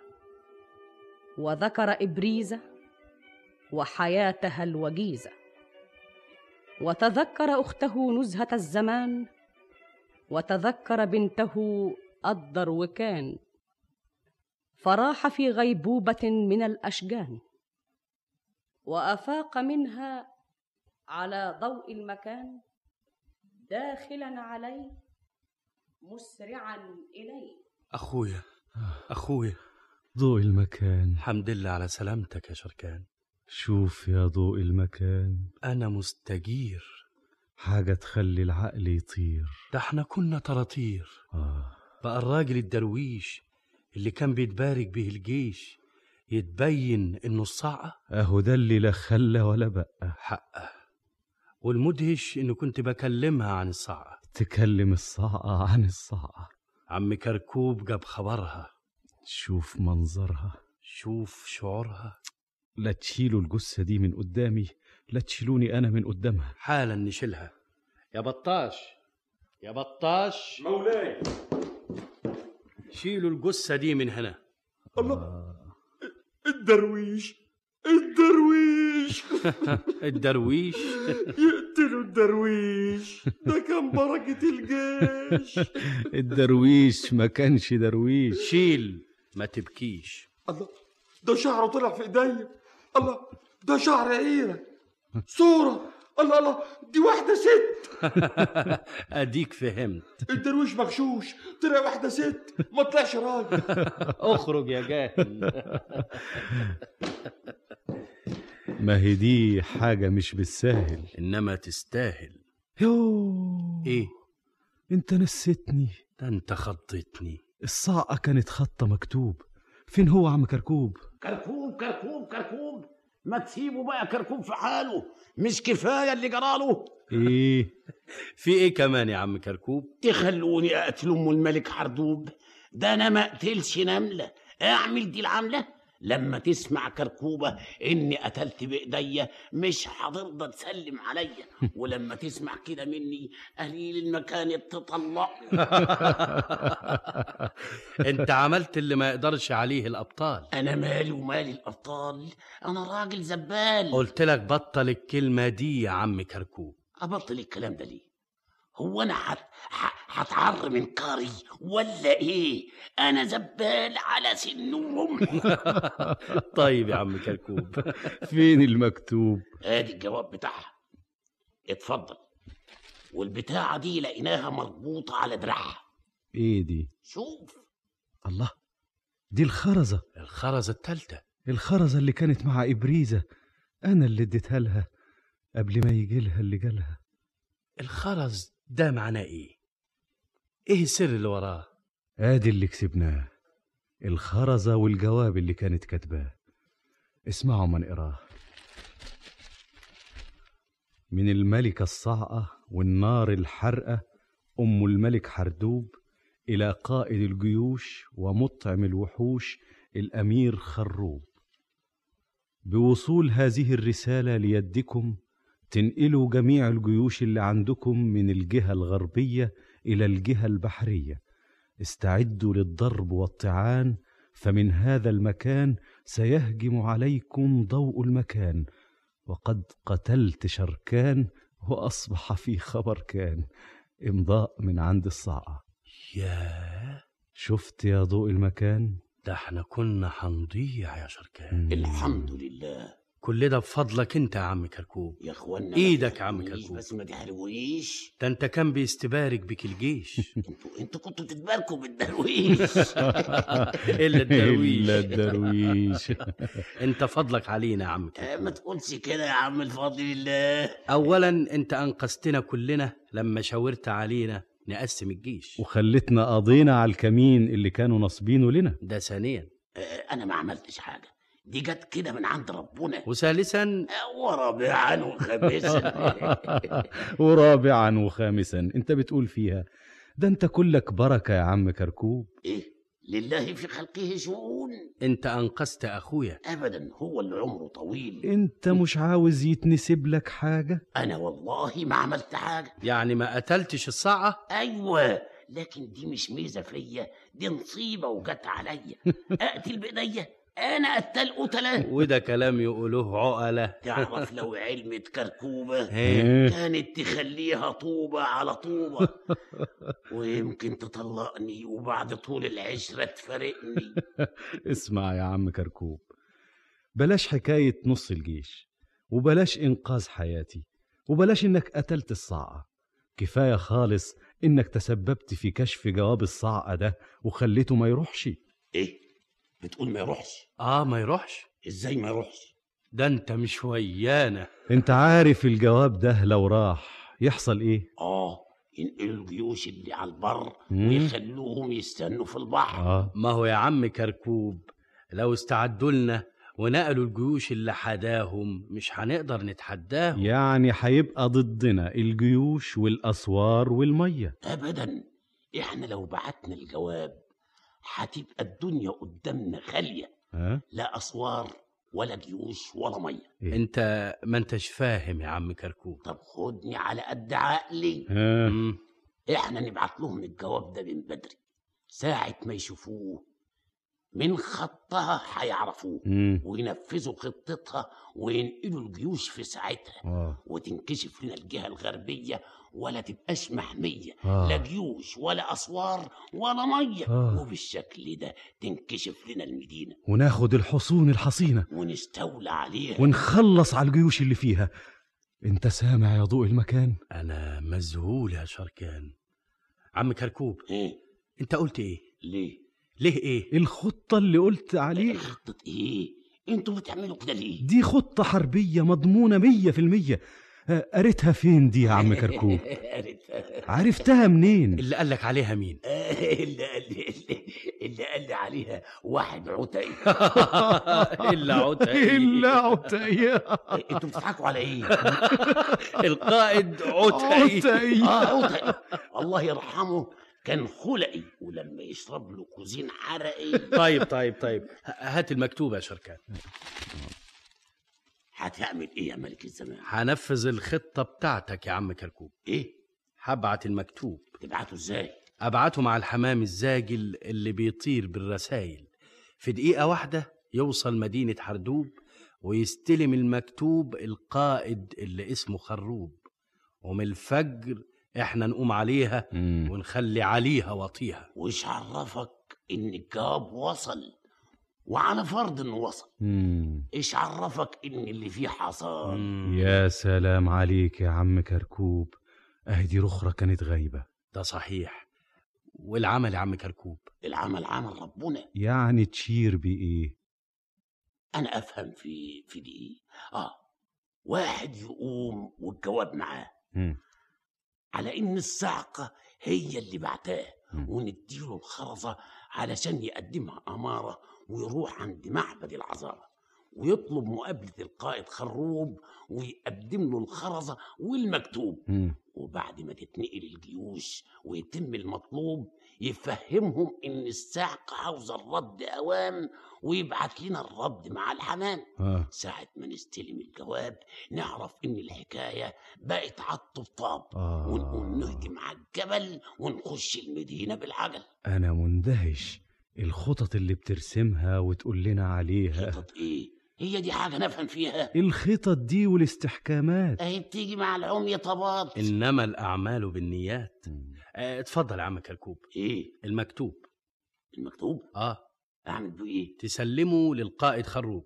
أنا؟ ما هي دي مسألة حياة أو موت. أنا ما أمنش غيرك يا عم كركوب عاوزني أروح مدينة ملك حردوب طيب بلاش أنت. أروح أنا. أنت؟ أيوة أنا. وليه؟ هو أنت وأنا إيه، هو ما فيش غيرنا هنا؟ يا ريتني ما كنتش جريح. خليك أنت مستريح. أنا هروح وأبعت لكم الرد. تروح فين؟ هو ما فيش هنا حد. قلت لك ما أمنش حد والمسألة مش عايزة أخد ورد. طيب طيب. وريني المكتوب علشان أوفي المكتوب. أنا هوصله للقائد. خروب ابقوا سلموا لي على كركوبه وقولوا لها تترحم على كركوب. وأخذ العم كركوب ذلك المكتوب وأخذ معه خرزة الصاعقة ليقدمها أمارة مصدقة. فلما اقترب من الحصون ورآه الحراس والعيون مولاي. وهنا أدرك شهرزاد الصباح فسكتت عن الكلام المباح. وبهذا تنتهي الحلقة العاشرة بعد المئة من ليالي ألف ليلة يكتبها طاهر أبو فاشا ويخرجها محمد محمود شعبان. ولما كانت الحلقة الحادية عشرة بعد المئة وفيها الليلة التالية اتخذ شهريار الملك مجلس الليلة الماضية. وأقبلت شهرزاد في نفس الميعاد فسلمت عليه وجلست إليه وجعلت تقص عليه ما وقع وتصل من الحديث ما انقطع.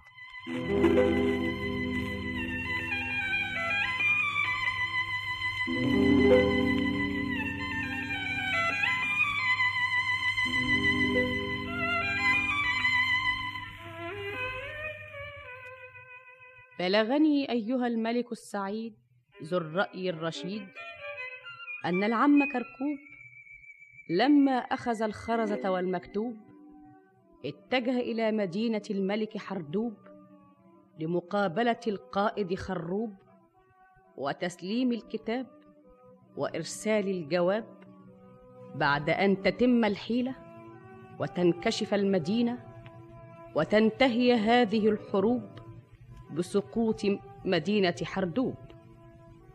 فلما اقترب الزبال من المدينة ورآه الحراس من على أسوارها الحصينة تصايحوا عليه وتسابقوا إليه. مين اللي جاي هناك؟ مين ده اللي جاي؟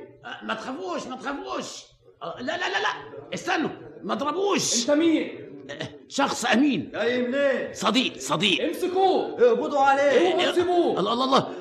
آه، بس استنوا آه، استنوا عليا. جاسوس. خدوه. آه، طب بس استنى بتضرب ليه؟ قرب معانا. آه، أنا أنا هو وياكم ماشي معاكم. مد آه، أي أي أي. أنت يا جدع أنت ما تضربش. ده غريب عننا. ده مش من هنا. ولا مننا آه، ما انتوش عارفين أنا إيه؟ أيوه عارفين. جاسوس. جاسوس. الله الله الله, الله أنا مش جاسوس ده أنا معايا رسالة ومكتوب للقائد خروف. القائد خروف. خدوه. إلى القائد خروف. والجاسوس ده عملتوا فيه إيه؟ قلوبنا نقرر فيه. وكلامه إيه؟ كلام ما يقولوش معتوه. طيب هاتوه. هاتوا الجاسوس. أما نشوف إيه حكاية الجاسوس. الجاسوس أنا مش جاسوس اوعى كده سيبوه. أقول لهم طور يقولوا احلبوه تعال هنا يا راجل. أنت إيه؟ أنا بني آدم. أنت فاهم إن إحنا متصورين إنك جمل؟ ما إحنا عارفين إنك بني آدم يا بني آدم. أمال يعني هكون إيه؟ جاي هنا ليه؟ وحكايتك إيه؟ أنت مين؟ أنا عمك كركوب. كركوب؟ كركوب إيه؟ أنا عارف كركوب إيه؟ أهو كركوب وخلاص. أنا هسألهم كانوا بيكركبوني ليه؟ وجاي هنا تعمل إيه يا كركوب؟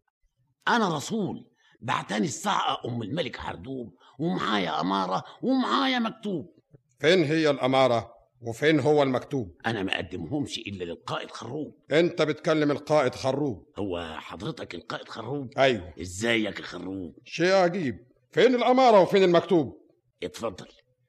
آدي الأمارة. الخرزة؟ الخرزة؟ فين؟ ده صحيح. وادي المكتوب. وريني. هو خطها. الجواب من عندها. إزيها؟ اتفضل. اتفضل اقعد يا عم مركوب. كركوب كركوب. ما تأخذنيش يا عم مركوب. بقول لك كركوب تقول لي مركوب طول بالك اما نقرأ المكتوب. انت عصبي ليه يا عم مركوب؟ الله برضه هيقول لي مركوب من الملكة الساحقة والنار الحرقة. أم الملك حردوب إلى قائد الجيوش ومطعم الوحوش الأمير خروب. بوصول هذه الرسالة ليدكم تنقلوا جميع الجيوش اللي عندكم من الجهة الغربية إلى الجهة البحرية. واستعدوا للضرب والطعان فمن هذا المكان سيهجم عليكم ضوء المكان. وقد قتلت شركان وأصبح في خبر كان.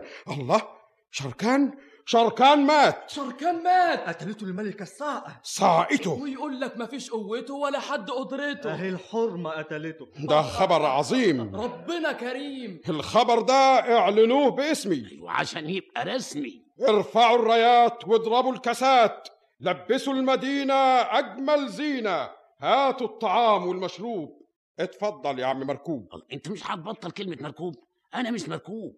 أنا كركوب.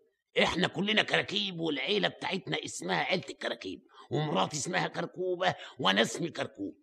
كركوب كركوب. مفهوم مفهوم يا عم مركوب. مفيش فايدة اللي في دماغه هو اللي في دماغه. اتفضل يا عم مركوب. أتفضل فين؟ إحنا في إيه ولا إيه؟ يمك زيادة للجنود النهاردة عيد. يخرب بيتك يا بيه آه أنا عاوز رد المكتوب. نرد على المكتوب. قبل ما تنفذ المطلوب. ننفذ المطلوب. يا أيوب يا أيوب. مولاي القائد خروب. جميع العساكر والجيوش اللي في الجهة الغربية يتنقلوا حالا للجهة البحرية. تنقل الجيوش من على الجبل؟ بس بالعجل. أنا أنا بعيد السؤال تاني. أنا بسألك. الله يا أخي أنت ما أسألك. أنت إيش أدخلك؟ اسمع أنت يا عم كركوب. إزاي ننقل الجيوش من على الجبل؟ دي البلد تنكشف. يا أخي انكسف إيه الراجل ده يا حضرة القائد خروب؟ خلينا نتكلم يا عم كركوب. عاوزيننا ننقل العساكر؟ إذا كانت دي أوامر. أيوه أوامر. أوامر إيه؟ دي البلد تنكشف. ولو العدو عرف يتدور على الجبل وينضار لا جيوش ولا أسوار. دي تبقى حتة دين علقة. ده إحنا ما نستحملش منهم متعة. أنت يعني هتفهم احسن من الساعة؟ وش أدخل الملكة الصعقه الملكة الصاعقة هي اللي بتقول. مش معقول. وإذا كانت بعت مكتوب أشوف بعين المكتوب. وريه المكتوب. اتفضل يا أيوب. الله الله الله ده خطها. ده صحيح. لا مؤاخذة يا عم مكتوب أنا ما كنتش أعرف إن فيه مكتوب. ما دام الملكة هي اللي امرت بده يبقى لابد فيه حكمة ما نعرفهاش. أوامر الملكة ما نناقشهاش. ما تاخذونيش أنا رايح أنفذ الأوامر. حنقل العساكر والجيش بس ما تبطيش. وانت راخر يا عم خروب. إيه يا عم مركوب؟ عاوزين نبعت رد المكتوب. حالا يا عم مركوب. فين البراج البراج يجيب الحمام الزاجل اللي بيشيل الرسايل واكتب يا كاتب. من القائد خروب إلى الملكة والدة الملك حردوب. وصل المكتوب وتم المطلوب. خروب.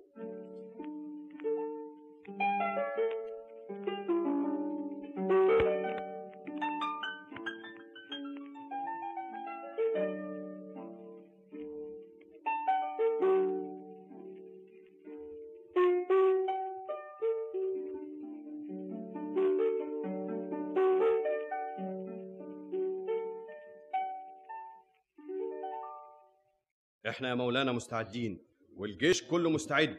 إحنا مستنيين إيه؟ مستنيين الأوامر. مش مولانا اللي بيصدر الأوامر؟ طبعا. هو في حد تاني بإيده أمر طيب يا مولانا ما تصدر الأوامر تتحرك الجيوش والعساكر. الأوامر هتصدر لنا من السماء.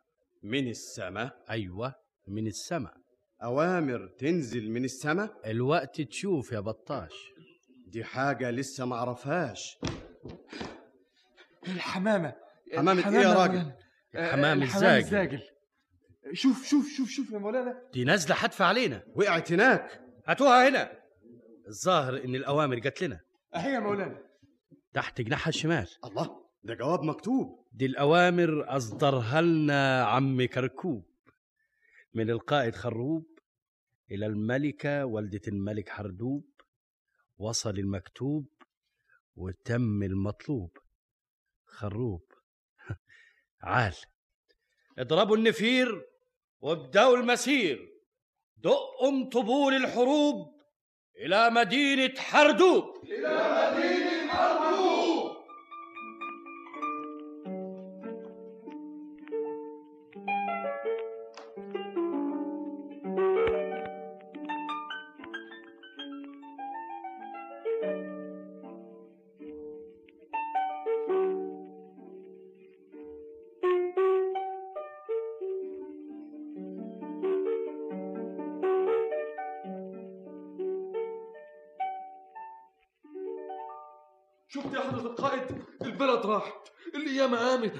إحنا اللي كشفنا نفسنا بإيدينا.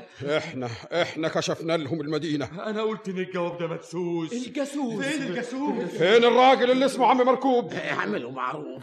اعملوا معروف. ده إحنا هنقطعك بالسيوف كان فين الجاسوس ده مختفي؟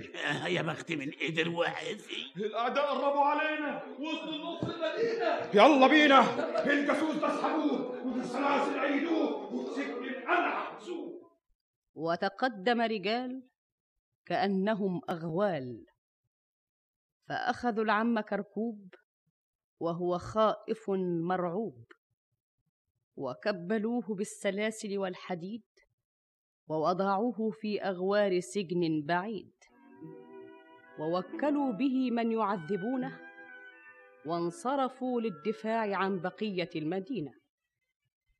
ولكن جيوش ضوء المكان أحاطت بكل مكان وثبتت أقدامها وأعلنت إقدامها ودارت رحى الحرب وقامت سوق الطعن والضرب وبرز ضوء المكان إلى وسط الميدان ونادى في الفرسان إن الشجاعة صبر ساعة فمال الرجال على الرجال وتصدعت الجبال ونزلوا على الأعداء كما ينزل القضاء.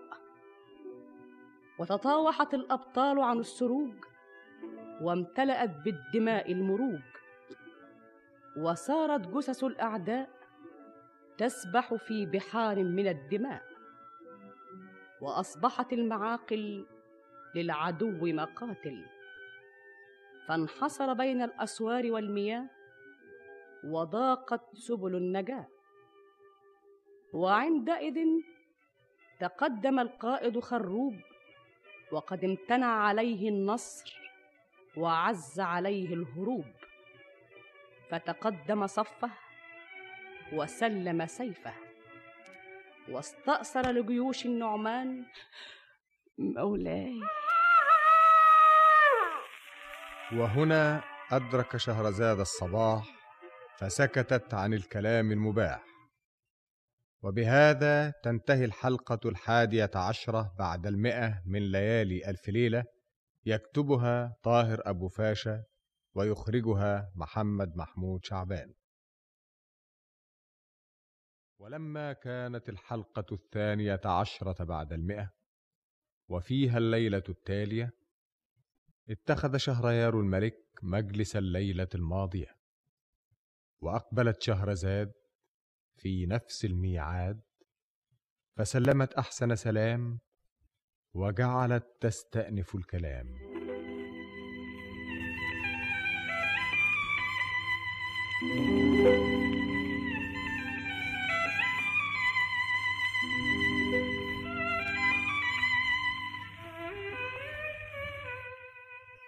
بلغني أيها الملك السعيد ذو الرأي الرشيد أن القائد خروب لما خدعه العم كركوب وقدم له الخرزة والمكتوب فنقل الجيوش من معاقلها وكشف لضوء المكان عن مقاتلها فسقطت في قبضة يده المدينة واندكت أمامه حصونها الحصينة.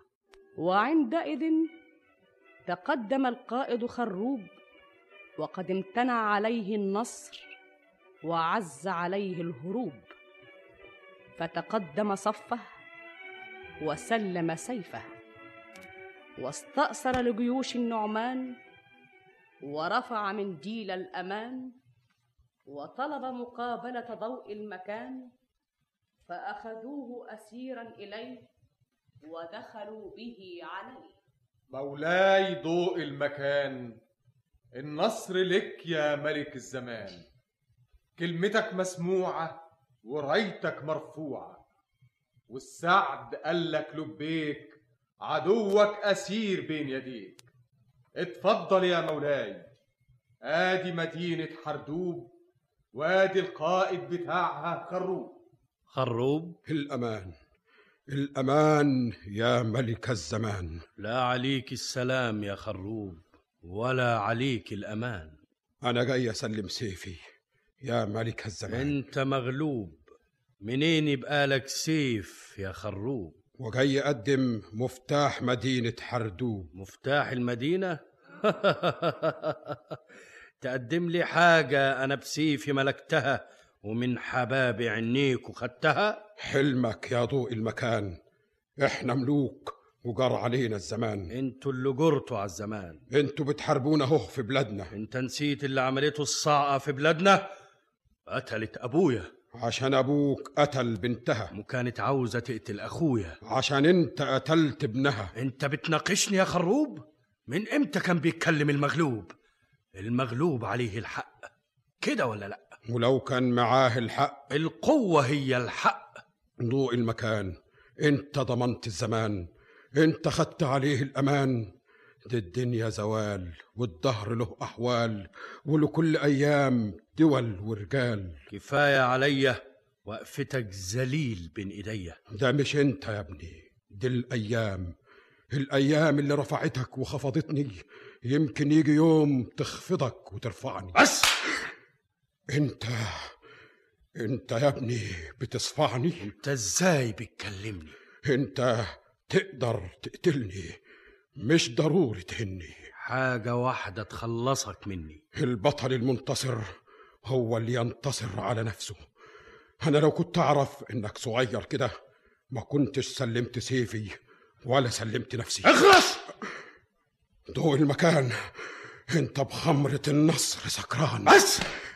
الأسد في السلاسل يعتدوا عليه الصبيان. حاجة واحدة تخلصك من الأسر والهوان. بعد اللي حصل يا ضوء المكان. انت وديته عم كركوب فين الجاسوس. وديتوه فين؟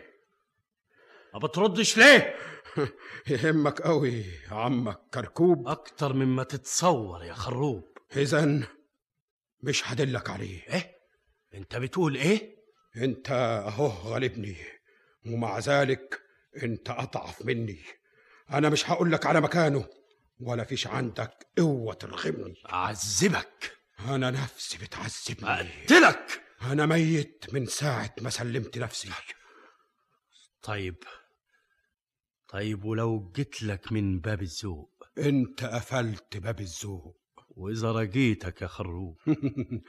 الغالب بيترجى المغلوب.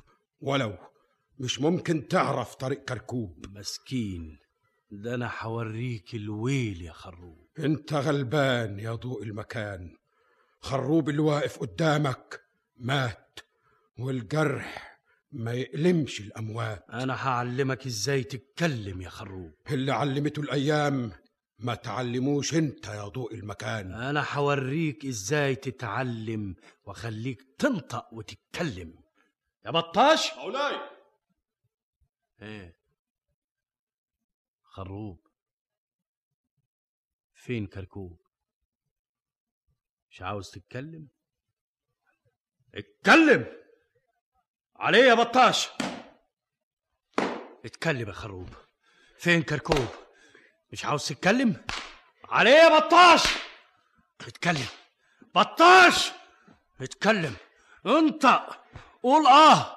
قول آه. يبقى عيب يبقى عيب. إذا قلت آه اضرب اضرب كمان. ضوء المكان لكل واحد دولة وزمان.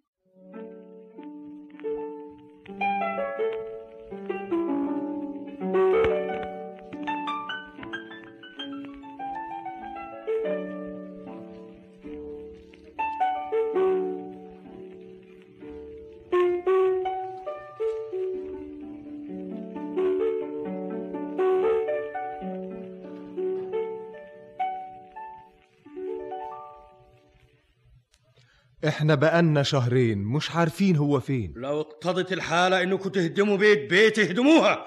حي ولا ميت؟ وإذا ما عرفتوش تهتدوا إليه ما ترجعوش. حاجة غريبة. الجيش كله بيفتش عليه ومش عارف يهتدي إليه. ما تعيدوا الكرة على القائد خروب؟ لو قطعنا من لحمه مش هيقول فين عم كركوب. طيب ما يمكن مات يا مولانا؟ أعرف إنه مات. ولما تعرف هتستفيد إيه؟ أستعوض ربنا فيه. أنا عليا له دين ولابد أديه. أمال العساكر بيعملوا إيه؟ أهم بيدوروا عليه. كركوب يا مولانا كركوب. عم كركوب ها؟ أخيرا لقيناه. حي ولا ميت؟ حي يا مولانا. الحمد لله هو فين؟ أهو جاي ورانا. إحنا سبقنا عشان نبشر مولانا. ضوء المكان. عم كركوب. الحمد لله على السلامة يا عم كركوب. آه الله يسلم عمرك يا أنت شغلتنا عليك يا عم كركوب. تعال يا عم كركوب. آه عذبوك يا عم كركوب. آه كان مكتوب عليا أجر وعافية. اللي بيقطف الوردة بتجرح إيديه. ورد إيه وبتاعت إيه؟ أنت قسيت كتير يا عم كركوب. علشان أوفي المكتوب. خلاص يا عم كركوب انتهت الحروب راحت الشدة وجات أيام الرخا أنت كنت بتزرع والنهاردة أوان الحصاد. أنت صنعت الجميل ولا بد تحصد جميل. أنا مديون. مديون؟ أيوة مديون وحمل ديون. مديون لمين؟ مديون لك أنت يا عم كركوب. أنا حوفي لك النهاردة كل الديون. لكن أنا ماليش عندك ديون. ده أنت هتكون ممنون. ضوء المكان. النهارده يوم الجزاء. النهارده يوم الوفاء. النهارده آن الأوان. اعقدوا الديوان.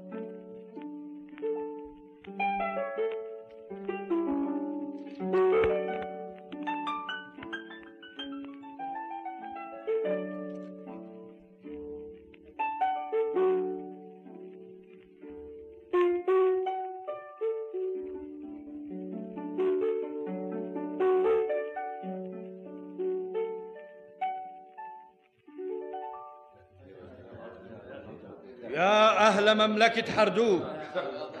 يا أهل مملكة حردوب راحت الشدة وانتهت الحروب. السلام والأمان لكل من يطلب السلام والأمان. إخوان إخوان ماتت الصعقة ومات حردوب. راحت أسباب الخصام والانتقام. ربنا خلصكم من شياطين الشر والحرب والهلاك وعوضكم عنهم بملاك.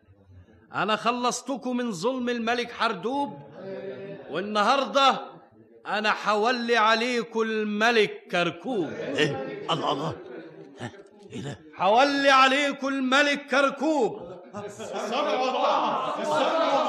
استنوا يا جماعة.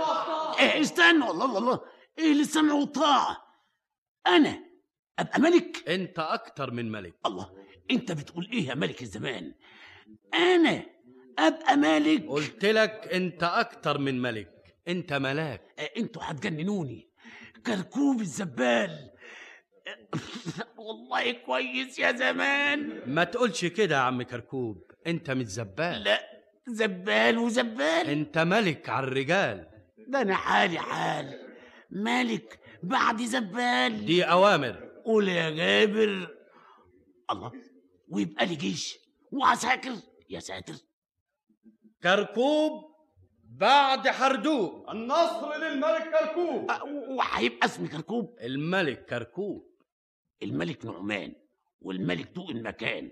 والملك شركان والملك كركوب. أنا الملك الزبال زبال الملك الزبلكان. الملك الزبلكان. الملك الزبلكان. نصر الملك الزبلكان. المجد للملك الزبلكان. الزبلكان.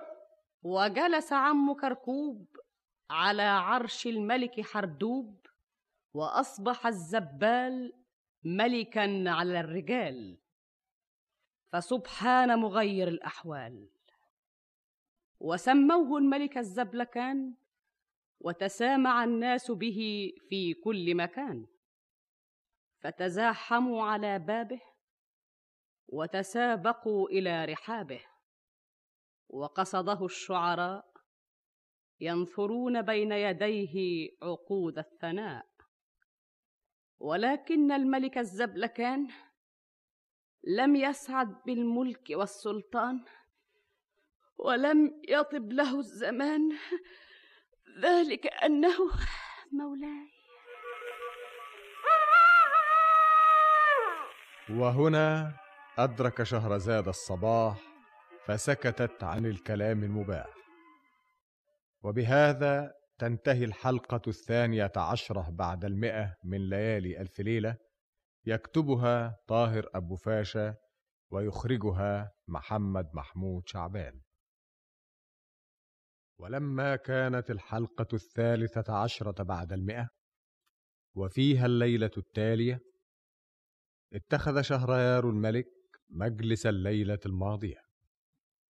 وأقبلت شهرزاد في نفس الميعاد فقام الملك إليها وأخذ بيديها وأجلسها في مكان القبول وجعل يصغي لها وهي تقول بلغني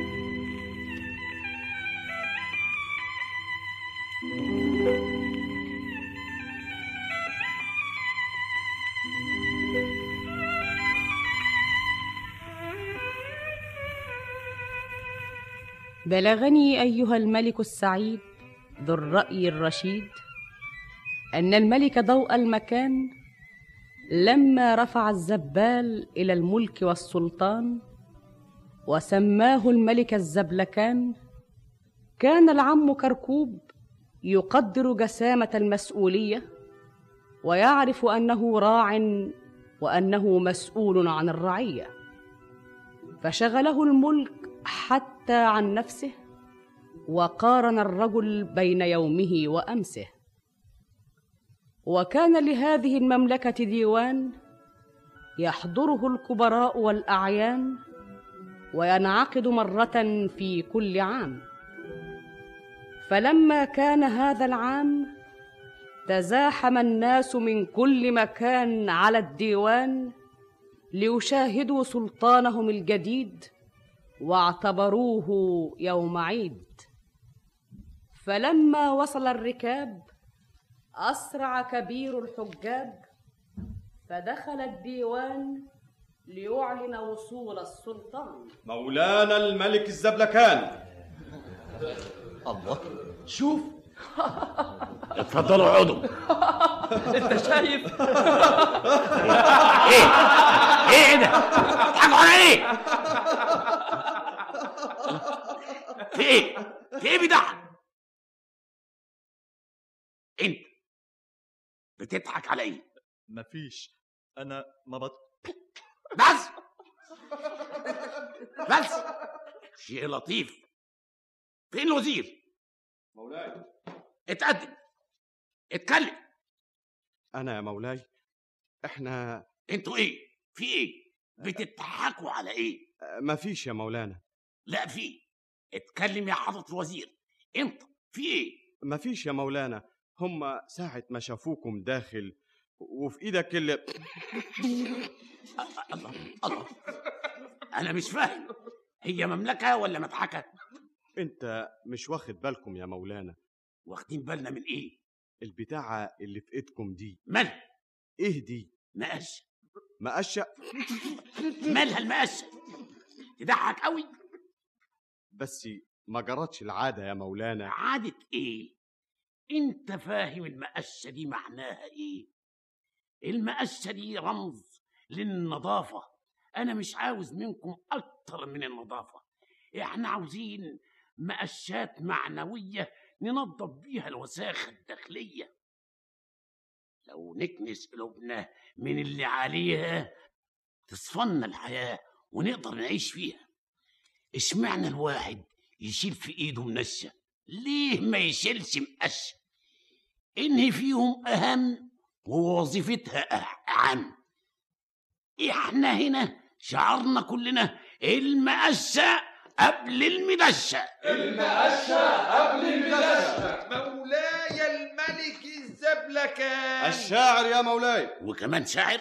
إلى أطراف أطراف سنابل مقشتكم العلية صاحبة الروائح الزكية أرمي السلام. وأرمي التحية. وقاها الله من التنسيل والرمي في الزنبيل. ده كلام جميل. يا وزير مولاي. اصرفوا للشاعر خمس مقشات خمس مقشات خمس مقشات إيديهم ذهب. سبحان من وهب. مولانا ملك الزمان.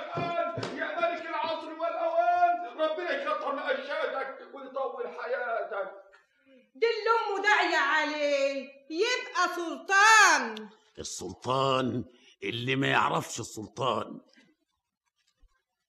هو أنا بتلم عليك هو أنا بتهنى بيك. أنا خلاص روحي بقت هنا. أنا ما بنامش الليلة كركوبه اتفضلي ده أكل ده. مية مسلوقة فيها خضار وعيش سن. شوفي لونه إيه يا كركوبه حكمتك يا قادر.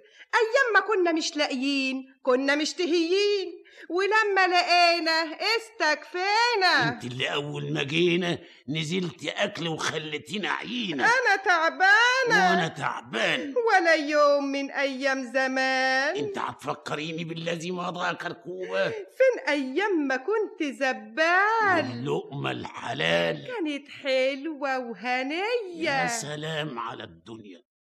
الواحد ما يعرفش قيمة الحاجة إلا لما تروح منه الحاجة. أنا عرفت إيه هي السعادة. السعادة مش بالجاه والمال السعادة في رواقة البال مولاي. ادخل. هم وصلوا ولا إيه؟ وصلوا دلوقتي أهو يا مولاي. طيب أنا قايم في الحاجة على فين؟ أنا بقالي على الحالة دي شهرين. حتى الأكل ما نتهناش بيه. يبقى الملك ده فايدته إيه؟ والله ما أنا عارف فايدته إيه. كانوا بيعملوني ملك ليه؟ آخ أنا ميت من التعب. منه لله اللي كان منه السبب. ما تعيطيش يا كركوبة طولي بالك كلها يومين ونخرج منها زي الشعرة من العجينة. دي دعوة وصابتنا ربنا يفك كربتنا ويخلصنا من الوقعة اللي لبستنا. آخ إحنا هنبعت الخراج بعد يومين. جهزي نفسك إحنا مسافرين.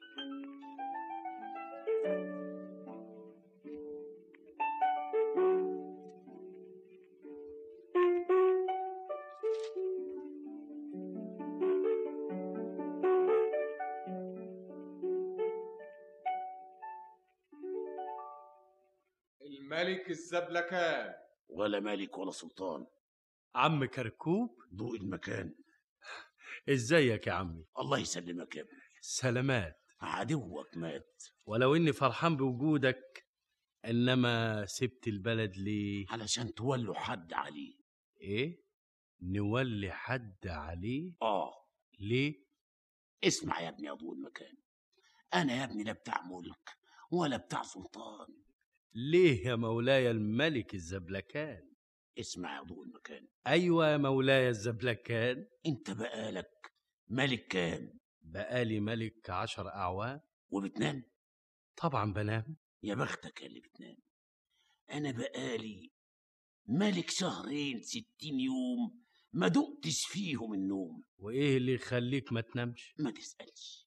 الدنيا كلها في دماغي. مشاكل الدنيا قدامي. أنا خلاص يا ضوء المكان. شوفوا لكم واحد يعمل سلطان إيه إيه؟ ما تأخذنيش يا ابني. حد في الدنيا يرفض الملك يا عمي؟ الملك لصاحب الملك. أنا راجل زبال وربنا خلقني زبال وعاوز أرجع تاني زبال. هو ده كلام ينقال؟ أمال. ده شيء محال. محال محال. اعمل اللي أنت عاوز تعمله وصاحب البخت يعصله يا عم كركوب ما يصحش. يصح ولا ما يصحش؟ أنت يا ابني مش عاوز تكرمني. طبعا. طيب خلصت. ريعني أنا غلبان. اتفضل يا دول المكان. إيه ده؟ ختم المملكه سلام عليكم. الله أنت رايح فين؟ رايح آه، بقى على حالي كفايه اللي جرالي أنت زعلان مني يا عمي. بالعكس يا ابني. وإزاي نعيش من غيرك؟ إذا كنت تسمح لي أزورك يبقى كتر خيرك. إزاي؟ أنت من هنا ما تمشيش. بلاش تبقى ملك. إنما ما تفارقنيش. أنا يا ابني لابد أشتغل علشان أعيش. وتشتغل ليه؟ الخير كتير. الخير اللي مش من عرق الواحد ما يبقاش خير. عمي. ما تحوشنيش يا ابني. وعشان خاطري. إذا كنت عاوز تكرمني سيبني. طب بس هتروح فين؟ فهمني. أنا حاب أزورك يا ابني.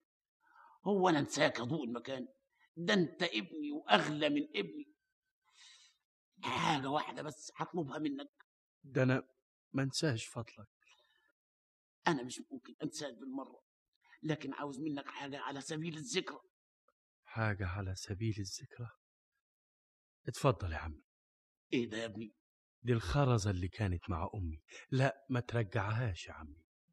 هي معاك تبقى ما راحتش مني. آه. طيب يا ابني أشوف وشك بخير أضوء المكان. أشوف وشك بخير يا عمي. ما تحرمناش يا عم مع السلامة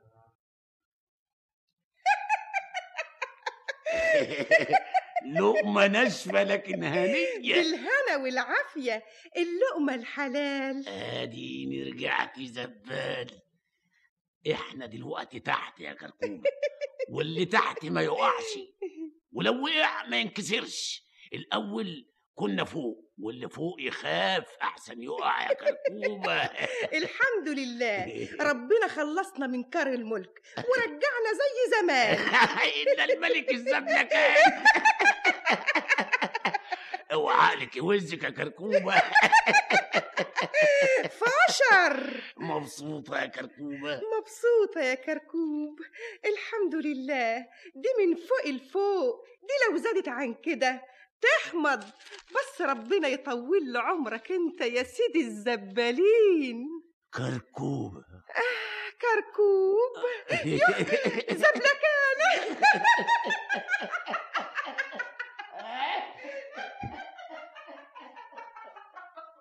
وعاش الجميع في أسعد حال وأهنأ بال. حتى أدركهم هادم اللذات ومفرق الجماعات. فسبحان الحي الذي لا يموت ومن بيده الملك والملكوت.